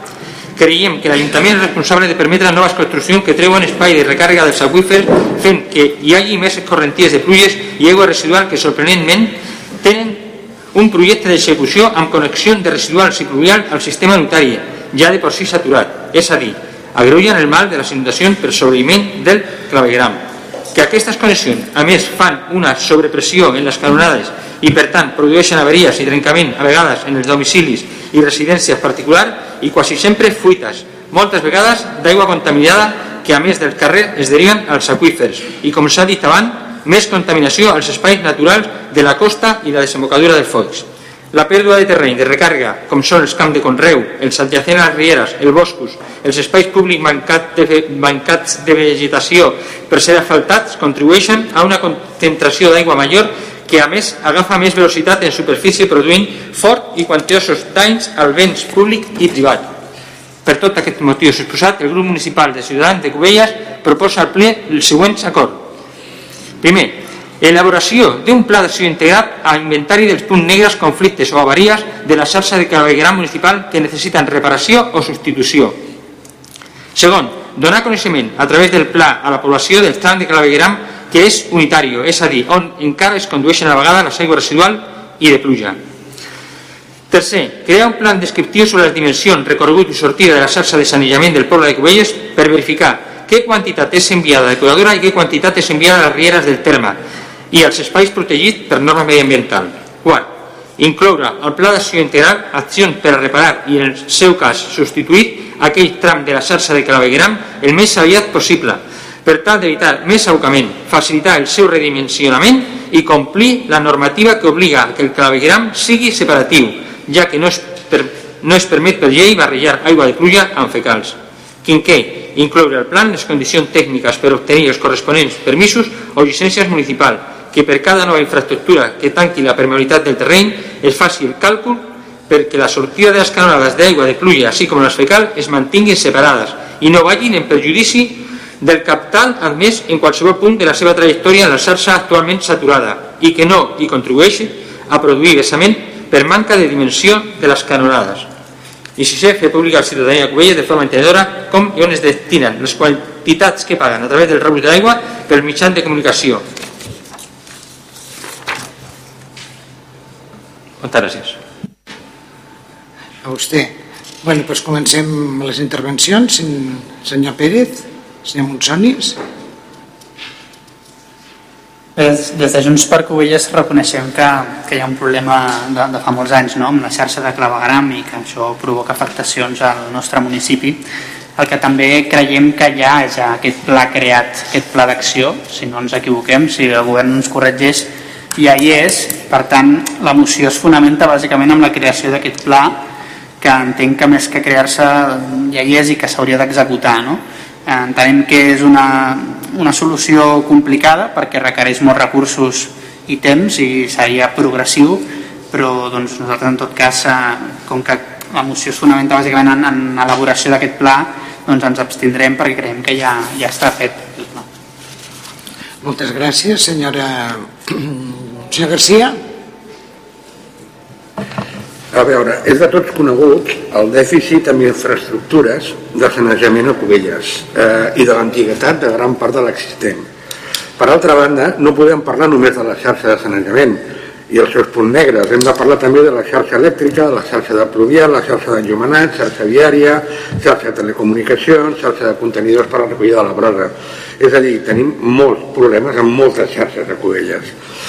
Tot l'exposat fa vital de, i de primera necessitat la preparació d'un pla d'actuació urgent, amb una molt, però que molt forta i més que previsible inversió econòmica, que s'haurà de planificar i definir amb un procés d'actuació i execució urgent, eh, amb un procés d'execució que es pot allargar diverses legislatures, però que al marge de les que s'haurà de fer al marge de les posicions polítiques de les diferents forces que composen el ple i s'haurà d'afrontar com una necessitat bàsica urgent i prioritària de la nostra vila. Per tant, amb aquesta moció el grup socialista s'abstindrà. S'abstindrà perquè només afronta una part del molt important problema que tenim a Covelles. Molt bé, moltes gràcies, senyor Gué, si vol intervenir com a regidor de Medi Ambient. Sí, eh, bé, una mica eh, és, és un tema llarg, és un tema que ens hi podíem passar molt, molt d'estona parlant, és un tema important per Cubelles i, i bé, eh, dir-li una altra vegada al senyor Martínez que eh, moltes coses d'aquestes doncs ja, ja hi, hem, hi hem treballat i s'hi ha treballat al, al llarg d'aquests anys, no? En primer lloc, eh, dir-li o convidar-lo a la propera inauguració que farem de eh, l'estació de bombament, el sistema Vortex, que el municipi de Cubelles doncs, s'ha doncs, gastat pràcticament 1.400.000 euros per solventar o per apaivagar doncs, l'abocament de, de residus i de contaminació al riu Foix, a la llera del riu Foix. Això és un projecte que eh, doncs, durant molts anys va estar ballant entre l'Ajuntament de Cubelles i l'ACA i la veritat és que aquest govern des del 2015 va agafar el compromís inequívoc de solventar el problema i eh, la veritat és que pràcticament aquesta setmana acaba, acaba l'obra el dia 7 d'agost venen a tot el tema elèctric. Per tant eh, les properes pluges que vinguin eh, a partir del setembre eh, probablement ja estarà en funcionament aquest vòrtex. Eh, per altra banda eh, pensi que el contracte de l'aigua de Cubelles, la concessió de l'aigua de Cubelles està esgotada, està vençuda, el contracte de l'aigua des de l'any 2012. Val? Eh, pensi també que en el d'any 2013 aquest plenari va aprovar un pla director d'aigua i de clavegram. Eh, L'any 2017 aquest regidor va eh, demanar una auditoria d'aquest pla director de clavegram que eh, la veritat és que va eh, avalar moltes d'aquelles eh, prioritats doncs, que, que marcava aquest pla director. Ara mateix, eh, l'Ajuntament de Cubelles, eh, una de les prioritats que tenim és eh, solventar eh, o, o treure concurs eh, el nou contracte de l'aigua. Estem eh, assessorats amb una empresa externa per, per tal de preparar tot, tot, el, tot el... És un contracte complex que doncs, eh, s'hi està treballant eh, intensament. I esperem a finals d'any treure aquest contracte concurs sempre i quan doncs, el, el pla d'alternatives que també s'està treballant doncs, ens dongui eh, que la concessió és la millor de les vies eh, eh, havent passat doncs, per l'empresa mixta o la municipalització. Estem en aquest període. Per altra banda, quins problemes té la xarxa d'aigua i clavegaram de Cubelles? Um, anava a dir molt fàcil, no eh, el que vostès eh, es poden pensar, no? envelliment de la xarxa, primer de tot, mm, problemes en la manca de capacitat hidràulica eh, per recollir eh, les pluges, eh, molta de la xarxa és unitària, recordar eh, plenari que la xarxa unitària estava contemplada fins fa molt poc en, el pla, en, els, eh, en les obres públiques, no estem parlant de que és del, de, de, del, segle, del segle XVIII, sinó que eh, l'any 2000 encara s'estaven fent obres eh, amb, amb separativa, amb sense separativa. Eh, I eh, probablement també li he de reconèixer eh, la manca d'inversions cròniques per part de, de l'Ajuntament. Eh, quines solucions? Perquè crec que hem de, de parlar també de solucions, no?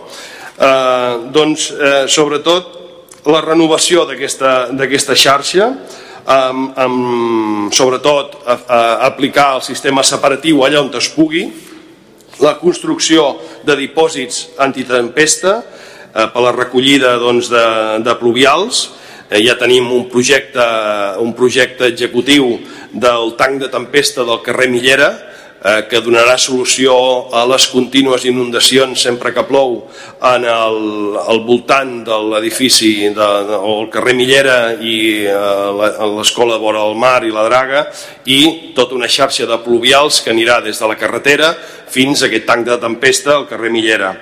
Eh, també eh, una cosa prioritària de les solucions que haurem de fer eh, molt a, a, a curt plaç i a mig plaç és la canalització del torrent del carrer Gesamí. Carrer Gesamí, a Mastrader tenim un problema important cada vegada que plou d'inundacions en aquest carrer i eh, estem eh, aquest any a poder ser eh, doncs intentarem fer el projecte i eh, volem també presentar-nos a una subvenció de fet eh, amb aquesta eh, eh, reunió que vam tenir amb l'ACA vam, vam parlar d'aquesta possible subvenció que seria d'un 70% de, del projecte constructiu. No? Eh, i, I altres coses, no? eh, evidentment s'han de fer eh, nous eh, eixos pluvials de derivació i, i també recordar que evidentment s'han anat fent coses en el seu moment doncs, es va fer la separativa aquí al nucli antic quan es va fer tot el, tota l'obra de pavimentació del nucli antic es va fer la, la separativa, es va fer un tanc de tempesta al barri marítim, al carrer de les Roses, i estic parlant eh, de que aquest govern actual no, és a dir, que els governs que han anat passant s'hi han anat posant, però s'hi han anat posant probablement amb, amb, amb poc ímpetu perquè la, la inversió és molt gran. No? I, com li deia ara, doncs, eh, el sistema Vortex aquest que, que aviat doncs, podrem tenir per evitar els sobreiximents doncs, de, de, quan l'estació de bombament doncs, no dona prou capacitat quan hi ha avingudes d'aigua. No? Aquest pla director eh, doncs, marca les inversions, les prioritza i, eh, i eh, fa una aproximació dels diners que costarien a tot aquest tipus de, Eh, d'inversions. Estem parlant de, de projectes importants, projectes eh, doncs, que tenen un calat molt important i per fer-nos una mica el, el, la idea, dir-los dues dades molt, molt importants. En quant a abastament d'aigua, aquest pla director recull que l'Ajuntament de Cubelles hauria d'invertir uns 9 milions d'euros en eh, tenir diguem-ne tota la xarxa amb, amb les millors condicions d'eficiència amb les obres que s'haurien de fer. I per altra banda, de clavegram, el pla director, evidentment, eh, eh, com deia, ho, ho, ho estratifica amb prioritats, val? i parla de que s'hauria de reposar un total de 75 quilòmetres de, eh, de, de xarxa de clavegram, molta d'aquesta xarxa de clavegram eh, està feta, com deia abans, igual que ha, no hi ha separativa, també és fibrociment, que fins fa molt poc doncs, es podia posar. No? Estem parlant de la reposició de 75 quilòmetres. Això està contemplat amb un preu total de 26 milions d'euros. Per tant, eh, com deia abans eh, el senyor Garcia del PSC, eh, és un tema no només d'una legislatura, no només d'un govern, és un, és un problema o, o, o una iniciativa que eh, per part de l'Ajuntament de Cubelles, la corporació, qui sigui, s'ha d'anar planificant, s'ha d'anar eh, buscant quines són les prioritats i s'ha d'anar invertint diners eh, molt a mitjà i a llarg plaç.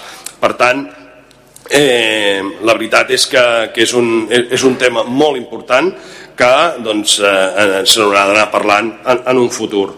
Eh, res més, bàsicament eh, això que li deia, eh, tota, tota la, el que vostè explicava, en principi aquest pla director està fet des del 2013 i ara calen els recursos per tirar-lo endavant. Part d'aquests recursos, mmm, la intenció de, del govern municipal és, si venen per part d'aquesta nova concessió, en el cas de que sigui una concessió, eh, vindran eh, per les inversions futures que hagi d'haver, que hagi de fer eh, en política hidràulica doncs, el, la, l'empresa que guanyi aquest concurs i un de les primeres inversions que exigirem que es faci serà el tanc de tempesta del carrer Millera i eh, la canalització del carrer Gesamí. Gràcies. Moltes gràcies, senyor Hugué. Em, senyor Pineda, vol afegir alguna cosa? Vols dir, vol li torno a dir-lo d'abans. No, no, no hi ha pregunta, Segueixo amb la mateixa tònica, llegeixo la moció, em sembla molt bé, hi ha un pla director que es va aprovar fa uns anys, els últims governs han anat treballant eh, amb, amb tots aquests plans directors, però continuen amb la, seva, amb la seva dinàmica. El grup municipal de Ciutadans creiem que l'equip de govern és actualment responsable directe sobre la continuïtat dels abocaments que poden produir un greu problema de salut. No, no, l'equip de govern no, des de que es va fundar Cubelles, senyor Manuel.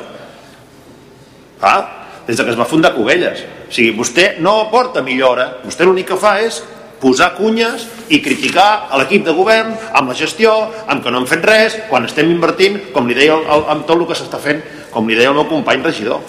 Vull dir, clar, llavors vostè es queixa de que no li voten les mocions. Doncs no. Bueno. Con su permiso. Gracias. Señor Pineda, con usted será un poquito más corto. eh. He prestado bastante atención a lo que me explicaba el señor Huguet. De verdad, mm, con usted el silencio. Para que usted esté contento hay que estar en silencio. No se puede hablar. Es decir, exponer es malo. No sé cuál quiere que sea el papel de la oposición, seguramente que el silencio. No. Mire, Señor Huguet, antes en la moción de los gatos me hablaba de que la moción que habíamos presentado era muy genérica, que podía ser presentada en Martorell, en donde fuera. Aquí no ha habido ninguna duda. Sabe dónde está, dónde, de dónde se está, dónde está el problema en esta moción y de dónde es. No se puede presentar en otro sitio. Ha referido calles concretas y hechos que conoce muy bien. Bien, eso es bueno. Es decir, presentamos una moción y el equipo de gobierno nos escucha. No es tan malo. No es tan malo, no, yo creo que no. Pongo unos problemas y me escucha y además responde. No, yo no veo lo, lo malo por dónde está. Ahora bien, aquí parece que uno habla en abstracto. Gracias a usted ha puesto unas calles, ha puesto unas zonas de inundación, aunque hay más. Zonas de marítima, hay muchos. Ha mencionado una solución como Vortex. ¿eh? En su momento era el puente, en su momento era. Pero tenemos la calle Millera, donde van varias, varias canalizaciones. Una de ellas es la calle Darío Suet. Oh, curioso, nos gastamos cerca de 3 millones de euros en una biblioteca, lo que antes era una zona que permitía la entrada del agua de lluvia, ahora con la biblioteca esa zona ya no es de recarga, esa zona ahora está asfaltada, digámoslo así, porque el conjunto de edificación lo que hace es que el agua de lluvia ya no entra. ¿Dónde me colocan la salida de aguas residuales y las pluviales? A la calle del lado que va a dar a la calle Millera, que va a dar a la guardería. Oiga, mire, ustedes pueden tener razón en que uno ataca. Pero si es que ustedes atacan al pueblo, con este tipo de soluciones son problemáticas. No estudio tanto como para hacer, gasto 3 millones y creo un problema. Sí, sí, tenemos una buena biblioteca, pero la calle, la calle Darío Suguet y la Millera se desbordan desde hace muchos años. Antes de crear un proyecto de obra ahí, que además va a quitar permeabilidad y va a aportar caudal, oiga, hasta un tonto como yo lo sabe, fíjese por dónde. Parece ser que o me va a decir que no se han conectado las canalizaciones a la, a la misma calle Darío Suguet que va a dar la calle Millera. ¿Con eso se arreglan los problemas? No es solamente pon- exponerlo, no hablo en abstracto, hablo de hechos que son ciertos, comprobables. El vertido de aguas residuales a los espacios protegidos del FOIX a la, a la misma costa no es nuevo. Ahora mismo está todo podrido. Usted se da un paseo por la riera y está podrido. ¿Eso qué es culpa mía? Claro, vivo en este pueblo y seguramente que cuando tiro la cadena, en vez de ir donde yo creo que pago mi recibo del agua, porque pienso que el agua la van a depurar, la van a llevar depurada a, a donde sea, no, me encuentro con que me la vierte en un espacio natural protegido. ¿Cómo voy a estar callado? No puedo callarme. Tendré que decirlo. Gracias. Yo, yo justamente le estava dient a mi compañero eh, que con el, amb el títol que posa vostè eh, proposant la seva immediata solució és molt difícil aprovar qualsevol moció de qualsevol tipus amb aquest anunciat perquè és que hi ha molts pocs governs que es puguin comprometre a fer qualsevol acció, encara que fos un, una caseta d'una un, un, obra de 3 metres quadrats perquè no se sap mai si ho podràs fer o no i vostè exigeix aquí la seva immediata solució és que és molt difícil aprovar esto. Bueno, jo, això és el meu parer. És molt difícil perquè al, al, al, cap, al cap de dos dies et pot, demà ja em pot demanar responsabilitats vostè, nosaltres. M'entén? Potser l'anunciat, bueno, és igual. Cadascú és... Eh, ¿Me què quiere decir? No, no, es, es muy difícil que se la prueben esto en, en algún sitio. Bueno. Eh. Perdón, eh, señora alcaldesa, no he dicho que era fácil. y lo entiendo. Claro, es que esto Pero sí, tampoco, tampoco sí. creo que ayuda mucho a la comprensión que cuando alguien presenta una cuestión una moción y tiene sus motivos y tiene su estrategia política, oiga, no soy un criminal, soy un político, respongo, sí. y creo que el silencio sí. no es lo que corresponde a un político.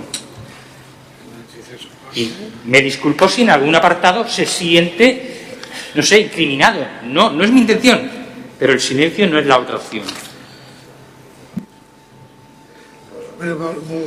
Sí, sí uh, a veure, uh, jo crec que l'he intentat explicar una mica uh, el que diu vostè del tema de, del carrer Millera. El carrer Millera ja li dic que tenim el projecte executiu d'aquest tanc de tempesta, és una acció prioritària que farà aquest govern eh, tan aviat tinguem aquest contracte de l'aigua eh, i eh, jo segueixo pensant que la biblioteca de Cubelles era necessària per a una població com la que tenim avui dia a Cubelles. Aquest, aquest, el tanc de tempesta també ho és. Llavors, eh, són projectes eh, molt... Aquest tanc de tempesta també està, eh, està valorat en uns 2 milions i mig, 3 milions d'euros. No sé, jo l'emplaçaria a vostès que ara, com vostè diu, vostè que és polític, que tenen tanta bona relació o sembla que s'acosten amb el senyor Pedro Sánchez, si vostè va a Madrid i en aconsegueix 3 milions d'euros, jo em trec la gorra i els posem a Cubelles. Val? Eh, per altra banda, quan diu vostè del riu Foix, eh, que està podrit, sí, sí, sí, segurament doncs, eh, hi, hi ha un problema, ja, ja, ja l'estem posant la solució, estem fent aquesta obra, hem fet aquesta obra, per tant li hem donat la solució que hem cregut que tècnicament era la millor. Per altra banda, dir-li que l'altre dia, en aquesta reunió de l'ACA, una de les coses que vam demanar a l'Agència Catalana de l'Aigua, que al cap i la fi és la que té la competència en l'espai protegit del Foix, i poso per testimoni el senyor, el senyor Pérez de la CUP perquè ens va acompanyar en aquesta reunió perquè també ell volia fer una aportació eh, que era demanar a l'ACA això que vostè deia, no? Aquest, un pont de pas per, eh, per passar els nanos que no haguessin de passar pel mig, que ja hi era i algun il·luminat d'aquest poble va decidir treure'l. Val? Doncs eh, el senyor Pérez va ser eh, testimoni com eh, se li va demanar a l'Agència Catalana de l'Aigua que fes un projecte de regeneració de tota la zona, de tota la zona, perquè un cop, diguem-ne, l'Ajuntament eh, ha fet aquesta obra important, aquesta s'hauria de regenerar aquesta zona on de tant de temps s'han abocat aquests, aquests residus. Per tant, l'ACA sí que ens va dir que, com sempre, tiram bastant pilotes fora. Eh, bé, hi haurà unes línies de subvenció futures que vostès es podran presentar, entén? Però, bé, eh, al final, allò que diu vostè, no? aquí de hoy pa mañana, de hoy pa mañana doncs ens haurem de presentar a, a, una, a una subvenció. Per altra banda, ens, ens van dir que ja s'ha presentat un live a la Unió Europea de tota la llera del riu Foix que podria ser, podria ser que alguna cosa es pogués fer a Cubelles. Però repeteixo, aquesta obra tan important que s'ha fet d'1.400.000 euros, pràcticament un eh, 60% l'ha pujat l'Ajuntament de Cubelles. Amb una part d'un 20 escaig per cent l'ha posat eh, l'Agència la, Catalana de l'Aigua i un 20 escaig la Diputació de Barcelona. Per tant, eh, crec que serà una solució que com a mínim donarà, donarà resposta a tots aquests anys que les coses no s'han fet prou bé, la veritat. Nosaltres, des de que vam eh, entrar al govern, va ser una obsessió fins al dia que puguem tallar la cinta i puguem dir que el problema del foix està solucionat. Moltes gràcies, senyor Huguet. Pues anem a passar a la votació, si no hi ha cap més intervenció. Vots a favor? Mm, abstencions? Vots en, vots en contra? Com queda, senyora secretària, la votació?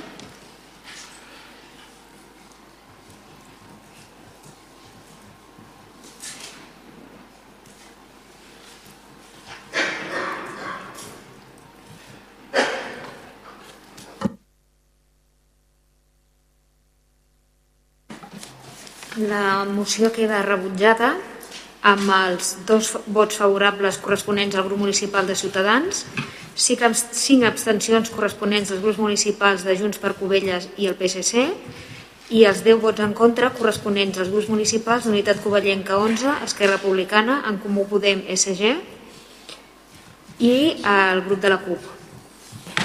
Molt bé, moltes gràcies. Anem a passar a l'última moció del plenari. Moció dels grups municipals d'Unitat Covellenca, Esquerra Republicana, Covelles, En Comú Podem, sol·licitant al Departament de Salut de la Generalitat l'obertura del CAP de Cubelles les 24 hores del dia. Eh, la defensarà la nostra companya regidora de Sanitat, Pilar Juste. Gràcies, senyora alcaldessa.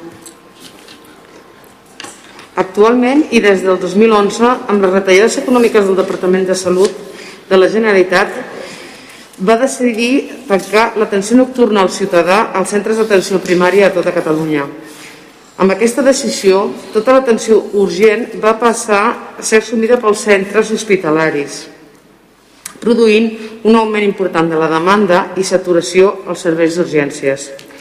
Al nostre territori, la situació s'agreuja de forma important a l'època estival, quan la població s'incrementa considerablement, augmentant de forma important l'atenció urgent dels centres hospitalaris aquest fet, junt amb la carència d'una apropiada xarxa hospitalària a la comarca, representa un important problema sociosanitari. Aquest govern també demana l'adequació i augment del contingent professional integrat al Pla Integrat al Pla Integral d'Urgències de Catalunya, conegut com a PIUC, destinat al nostre centre d'atenció primària durant els mesos d'estiu, des de fa anys, és insuficient i hores d'ara, amb la situació de pandèmia existent, molt més. Per tot això, el govern demana la reapertura de l'atenció nocturna al nostre centre d'atenció primària per a una adequada atenció sanitària de tots els covellencs i covellenques. Moltes gràcies. Moltes gràcies, regidora. Anem a passar el torn del, dels paraules. Senyor Pérez. Bé, una de les propostes que portàvem des de la CUP a les passades eleccions era aquesta, n'hi havia diverses que afectaven el CAP, però una era aquesta, eh, per millorar el servei que es dona a la ciutadania ampliant els seus horaris. Eh, veurem que ens adheriríem a la moció també i evidentment hi votarem a favor. Moltes gràcies, senyor Pere. Senyor Monsonis? Sí, nosaltres anunciar des de Junts per Covelles que també votarem a favor de la moció. Moltes gràcies, senyor Martínez. Muchas gracias. En la comisión informativa la pasada este tema se trató. Es que como había mal mucho sonido, yo pregunto. ¿Llegó a la comisión informativa esta, la comisión informativa de trabajo, la que hicimos la pasada, se presentó esta moción? Bien, como había muy poco sonido, quizás no me enteré bien. Y no me enteré muy bien por qué esta moción, que es muy lógica y que es, vamos, no se puede aportar de, de un deseo general, ¿Por qué ha tardado tanto? Y digo, buscando un poco los antecedentes, creo que fue en el 2011 que este CAP se cerró, entre otras cosas porque no eran rentables, porque no había dinero, había bastantes problemas y si miramos quién ha estado gobernando hasta ahora, porque la competencia es de sanidad en la Generalitat, al final hemos venido ahora, paso de los años, en que vamos a pedirle al Departamento de la Generalitat, que es también el que es competente, no, es el Pleno propiamente el que puede, podemos hacer una demanda, pero entiendo yo que, la competencia es de, de la Generalitat. Y aquí hay representantes que en su momento estaban también en el Gobierno. Se cierra y ahora se abre y pedimos con el mismo trámite, casi con las mismas personas, o digamos el mismo grupo político, la apertura del, CAP. ¿Qué ha pasado hasta ahora? ¿Por qué no se ha pedido hasta ahora? Esto es muy lógico, pedirlas que esté las 24 horas, no ahora con la pandemia, de antes. Entonces, quitando esa pregunta que hago, por lo demás, no puede haber oposición. Cuanto mejor servicio se dé a la ciudadanía de un pueblo, estoy de acuerdo. Nunca mi pregunta sería es por qué se ha tardado tanto, como antes he preguntado, por qué se ha hecho con el ADF ahora, a última hora, cuando llevaba muchos años que eso existía. ¿Hay alguna respuesta? Se ha, se ha pedido varias veces en varias mociones, que recordi, no és la primera vegada que, que es fa una moció d'aquest tipus. Potser igual hacía un any o dos que no es demanava o una legislatura, però ara ens hem unit a l'Ajuntament de Cunit, que ho ha tornat a demanar, i ens hem unit amb ells perquè el CAP, com vostè el compartim, bueno, eh? els horaris, etc. és compartit en Cunit. Li passo la paraula amb ella, però sí que hi ha més mocions, sí. És un tema que no s'ha parat de demanar. Sí, és, és com, a, com la moció del, per reconstrucció de l'hospital que es va votar a l'anterior ple. S'han fet altres mocions abans, o sigui, no és que se haya pedido ahora, ¿eh? ya se ha pedido, es una petición también, la ciudadanía está luchando desde el año 2011 también con plataformas para que se abra. Eh, eh, y los diferentes ayuntamientos también eh, se han hecho otras mociones, se han hecho también contactos con la Generalitat, con la Consellería de Salud para intentar pues, una negociación, a ver cómo pero está estancado, no por parte de la consellería pues es no y, no de momento, ¿vale? Pero sí que se han hecho con anterioridad, ¿vale? Pues volvemos a la carga, esto es como lo del hospital, pues volvemos a la carga, a ver si suena la flauta y tenemos suerte. ¿eh? porque el tema es importante, el tema es importante porque más con las carencias de, de echarse hospitalera que tenemos en, en esta comarca es, es, grave y más en verano, que les voy a contar, todos ustedes lo, lo viven como yo. Y es, eh, es, grave el problema en verano, en época estival, cuando triplicamos población. Eh, por esto hemos incluido también eh, lo del de, aumento de efectivos profesionales eh, con el plan, con el PIU, que se le conoce, el Plan, el plan Integral de Urgències de Catalunya, por el cual eh, la, el Departament de Salud, la Conselleria, eh, dota a todas, las, a todas las poblaciones costeras de Cataluña de más profesionales en época estival, precisamente por esto, por el aumento de, de, población. Pero desde hace ya años eh, es insuficiente. Y este año muchísimo más con la situación de pandemia, pero también se ha reclamado. Y los profesionales y los sindicatos estamos batallando esto hace muchos años.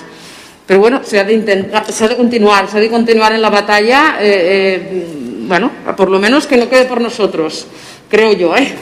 Gracias. Bueno, moltes gràcies per la, per la seva intervenció. Uh, anem a passar a la votació. Ah, perdó, ai, perdoneu. La crisi sanitària ens ha de fer replantejar tot el sistema públic sanitari i nosaltres creiem que seria una bona opció mantenir el centre d'atenció primària de Cubelles obert 24 hores com a centre de referència per les malalties comuns i urgències pels ciutadans de Cubelles i Cunit i alhora fer un ús més racional dels serveis hospitalaris comarcals per a tal d'evitar els col·lapses i els desplaçaments innecessaris. I des del grup municipal del PSC ens agradaria adherir-nos a aquesta moció. Moltes gràcies. Si no hi ha cap més paraula, doncs anem a passar a la votació. Vots a favor del, de l'obertura del CAP, les 24 hores. Molt bé, moltes gràcies. S'aprova per unanimitat. Anem a passar al torn de, de, de pregs. Senyor Pérez. Uh, bueno, repassant la documentació del darrer ple, hem pogut constatar com des del grup municipal del PSC mitjançant una pregunta s'estigmatitzava l'ocupació associant-la d'una manera força explícita amb la delinqüència.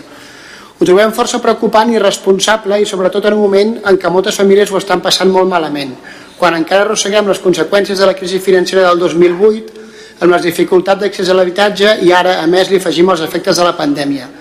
Per tot plegat, preguem a la presidència del ple que sigui més contundent a l'hora d'evitar i tallar aquests discursos demagògics i criminalitzadors. I a la resta de grups que no es deixin arrossegar per aquesta espiral populista i estigmatitzadora. I al PSC, un grup autonomenat progressista, però que ja és el segon incident d'aquestes característiques que protagonitza, quan en el seu dia van assenyalar els menors no acompanyats com un focus de problemes. Aleshores se'ns va dir que havia estat un malentès. Bé, un cop pot ser un malentès, dos ja marca una línia d'actuació i tres ja és un modus operandi.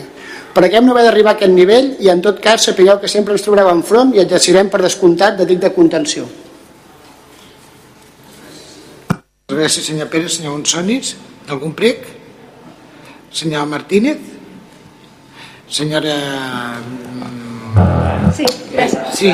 Jo, jo, jo. Perdó? Ah, vale, Sí, vale. Gràcies, pues yo. Ah, perdó, perdó. Ah, tenim, eh, tenemos dos ruegos y uno de ellos eh, va con preguntas eh, que son sobre el mismo tema. ¿Puedo exponerlos los dos o hacemos mejor primero ruegos y luego preguntas? Sí. Primer, primer els pregs i després anem per la part de les preguntes. Vale, vale. Sí, Gracias. no había entendido. Ruego sobre la urbanización de La Solana. La zona de La Solana en Cubellas es una de las urbanizaciones más pequeñas del municipio, tanto en extensión como en habitantes. Sin embargo, es una zona que tiene innumerables problemas. Ciudadanos ha recibido varias quejas de, varios ciudadanos que residen en La Solana durante todo el año. Quejas que no pueden ser ni deben dejarse pasar únicamente por lo básicas que son. Tan básico como que no llega la potencia del agua potable, cuando vienen los vecinos de segundas residencias los fines de semana y en verano, se quedan literalmente sin agua. Otras, como la señal de televisión y radio, que la han tachado de penosa, exactamente lo han denominado con esa palabra. Ni los canales básicos Antena 3, la, la primera o la TV3, tienen señal, y la radio literalmente dicen que no existe. La limpieza, como en otras muchas zonas del municipio, en La Solana, dicen nuestros ciudadanos que apenas se ve. El pasado día 10 de julio recogían los restos de petardos de la verbena de San Juan. Además, solamente hay un punto para la separación de residuos. Los terrenos públicos no tienen ningún tipo de mantenimiento, hasta el punto de no poder pasar por las aceras. En algunas calles ni existen aceras, solo hay tierra y piedras. En muchas zonas de la urbanización las canalizaciones pluviales están obstruidas, obstruidas, según nuestros ciudadanos, por madrigueras de conejos. Esto quiere decir que hace muchos años que no hay ningún mantenimiento. Puntos donde las calles tienen socavones importantes que ponen en riesgo la circulación de vehículos y en las calles la señalización de tráfico tan deterioradas como pueden ser y pueden producir un peligro. Árboles en la calle Más Peirot que literalmente tienen la angustia de que un día de aire arranquen alguna farola. El autobús local no tiene parada en la Solana, no llega hasta allí. La mayoría de residentes de esta organización son personas mayores que no tienen forma de desplazarse ni a comprar ni al CAP. Eh, compañeros, verán, nuestro grupo municipal eh, se creó con el fin de ayudar a mejorar a la población y a los ciudadanos y con cosas tan básicas como estas que acabo de nombrar eh, vamos a hacer, bueno, vamos a intentar que todos lleguen a ustedes y insistiremos todo lo que sea posible. Por lo tanto, expongo, eh, por todo lo expuesto, Ciudadanos ruega un estudio antes de que acabe el 2021 para que la zona de la Solana pueda disponer de una bomba de agua que facilite la potencia para todos los habitantes. Que busquen ustedes la manera de mejorar la señal de radio y de televisión de esta zona. Que se revisen la frecuencia de la limpieza de las calles y de las canalizaciones pluviales de esta zona con el fin de poderla mejorar.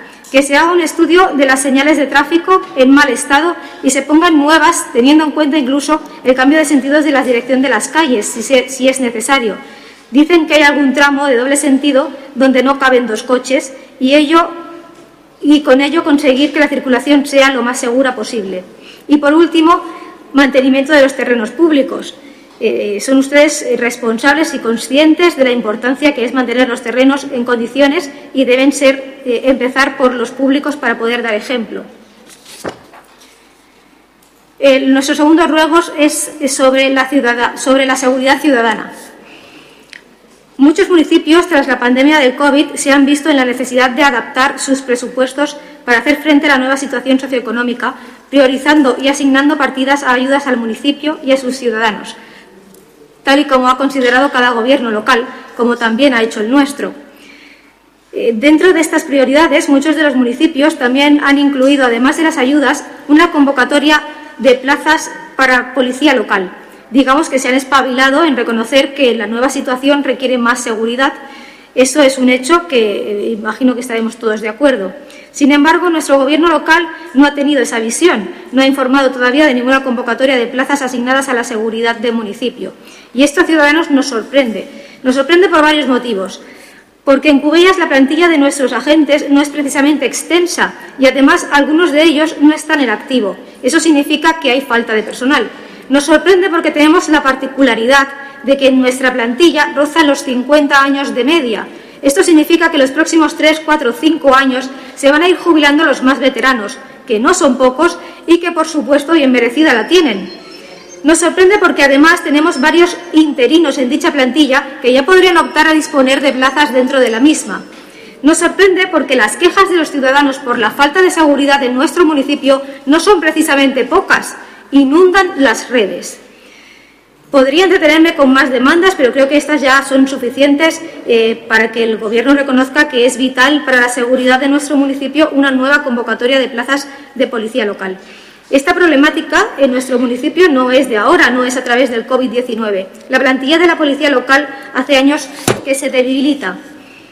Mi señora alcaldesa, eh, entiendo que eh, esos son años atrás, eh, que se haya o no se haya hecho, que se haya o no se haya mejorado, y no voy a, inculpar a este gobierno de, lo que se haya podido hacer o no, porque sería injusto. Pero sí debo recordarle que hace años nuestra policía local era una de las mejores de la comarca y, por lo tanto, la valoración, general a lo, largo, a lo largo de los años tiene que ser negativa. Desde que usted es alcaldesa de Cubellas, también es la responsable de dicha regiduría y en los últimos años no ha hecho más que empeorar. Quejas y quejas y quejas de los ciudadanos. No sé qué tiene que ocurrir. Si me lo permite, eh, voy a hacer una reflexión. Y es que yo entiendo que a veces cuando tenemos sobrecarga de trabajo, trabajo enfocado en un camino concreto, rutinas diarias que atender, y bueno, pues vemos más allá de estas preocupaciones que es lo más normal. A veces para darnos cuenta de otros problemas que vamos dejando pasar simplemente porque no forman parte, parte del enfoque diario, es necesario parar, descansar y coger una nueva perspectiva, valorar y volver a enfocar donde sea necesario. Creemos que es un grave problema que va a ir aumentando y no sé si es que no se está viendo o es que no está enfocado. Desde Ciudadanos Cubellas rogamos una nueva convocatoria de plazas para nuestra policía local, una convocatoria que incremente el número de agentes considerablemente, una convocatoria que tenga en cuenta las jubilaciones de los próximos cinco o seis años, una que ayude de una vez por todas a mejorar la plantilla, a mejorar sus cinco turnos o grupos, una que ayude a los agentes a tener una mejora importante en recursos e incluso en motivación del día a día, una que ayude a los agentes a cumplir y hacer cumplir la normativa y las leyes de este municipio y que en consecuencia los ciudadanos podamos vernos más seguros y por fin ustedes tengan también menos quejas. Gracias. De nada, le quería recordar que l'espai de los pregs no és, no és cap espai per cap míting polític. Vagi als pregs directament perquè he tingut 5 minuts i se n'ha passat 3 això és el que contempla el ROM i m'entenc què vull dir. No, no, és un, no és per fer un míting polític. Aquí ens diu, s'han convocat places per la policia local? sí, no, no em digui si des que estic jo.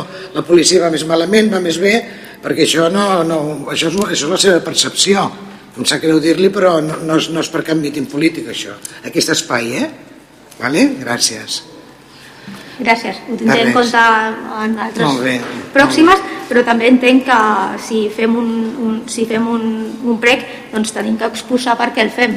No, per exemple, com, com és que no arriba l'aigua potable a la Solana? No és la primera notícia que tenim. En tants anys que no deu arribar i ningú ens ho ha dit. Però ens hem quedat igual que vostè, perquè és que ningú ens ho ha dit. No sé si hi ha algú d'aquí que ho sàpiga, això de l'aigua potable. No ho havia sentit mai. Ho tindré bueno, en compte per les... Doncs ens hi posarem a mirar el que passa. El primer que farem demà és l'aigua mirar lo de l'aigua en una urbanització. Ho preguntarem, ho preguntarem. I a més a més a l'estiu, que no ens hagin dit... No poden estar sense potència d'aigua, ni, ni, ni les bombes i tot això. Ens hem quedat, però bueno, gràcies per dir-ho, eh? Perquè que ningú ens ho hagi dit també ho trobem una mica estrany. A no sigui que sigui un problema d'una casa.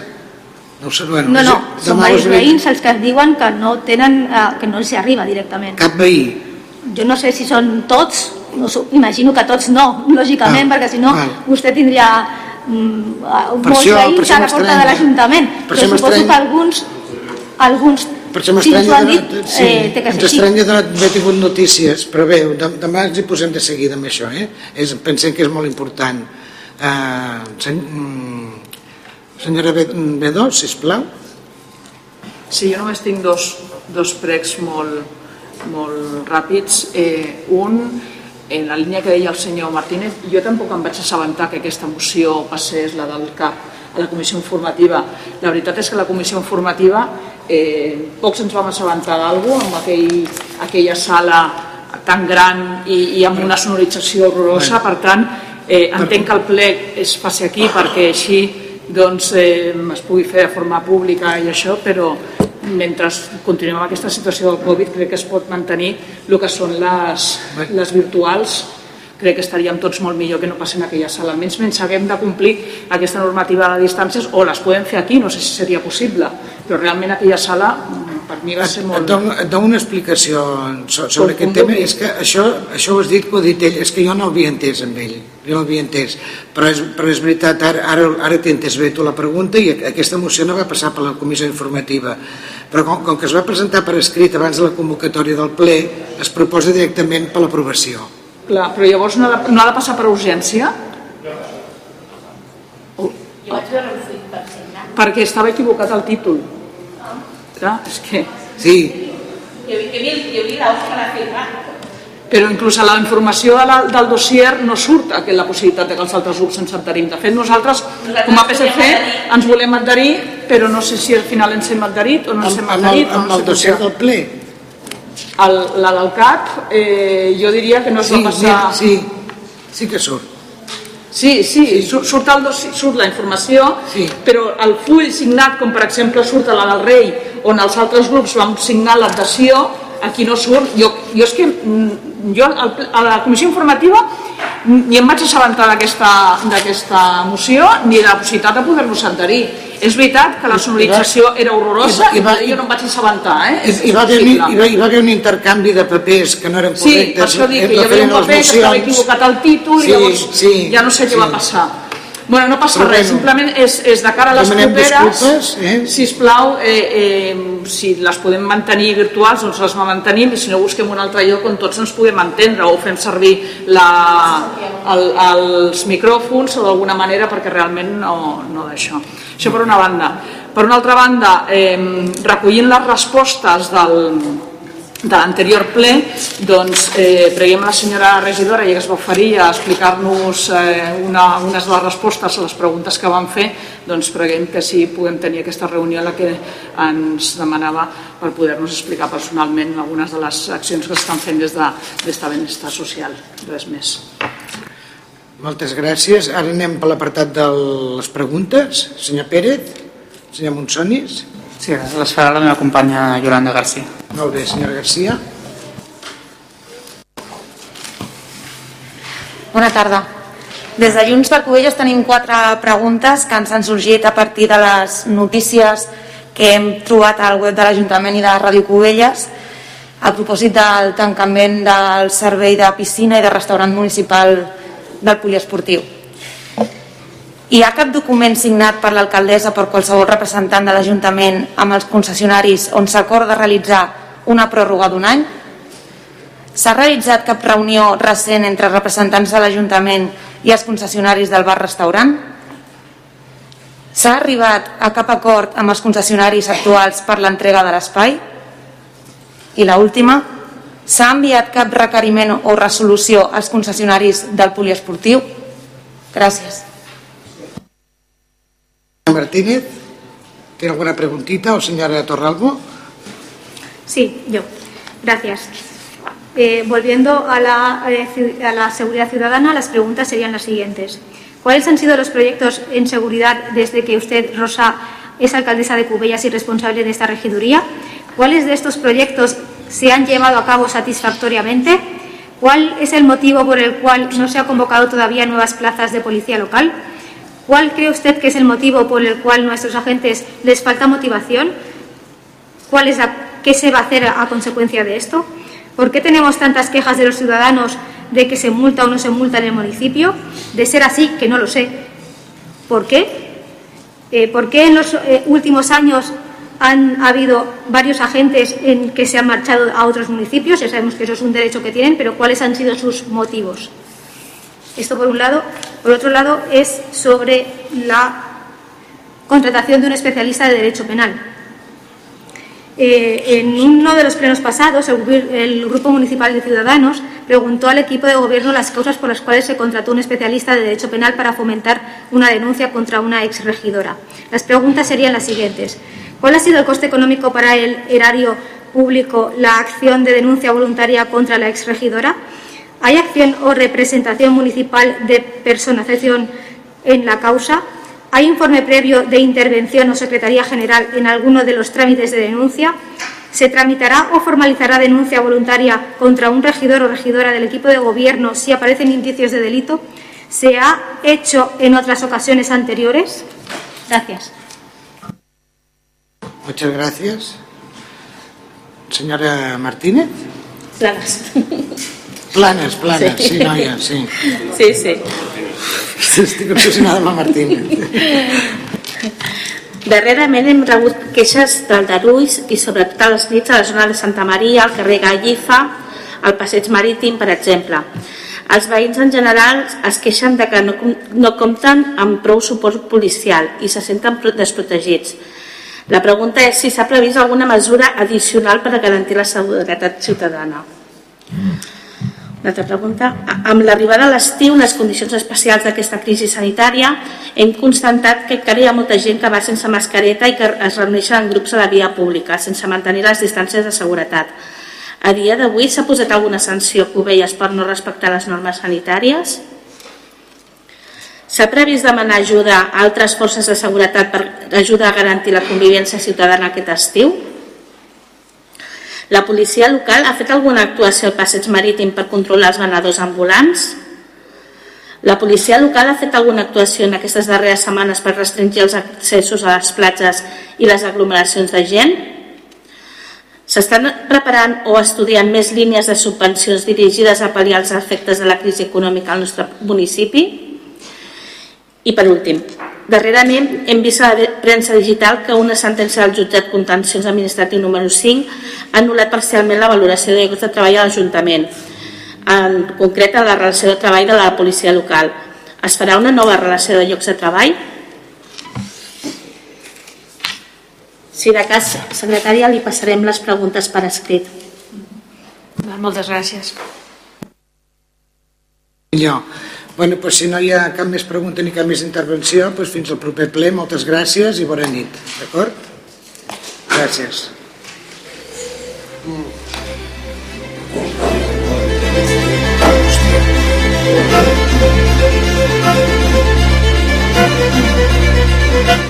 Doncs quan passen ara dos minuts, tres ja, tres minuts d'un quart de deu de la nit, fins aquí el ple municipal corresponent al mes de juliol, el primer ple municipal que s'ha tornat a celebrar eh, presencialment a la sala d'exposicions del Centre Social Joan Roig i Piera, això sí, sense públic i també garantint les distàncies de seguretat entre tots els regidors. Una sessió plenària en la qual hi ha hagut diversos acords. Eh, demà en farem un resum en els serveis informatius de Ràdio Cubelles del més destacat que ha passat per aquest ple municipal que ha arrencat a les 7 del vespre i que ara, eh, doncs, poc més de dues hores més tard, eh, s'acaba de finalitzar, tal com ha anunciat l'alcaldessa Rosa Fonoll.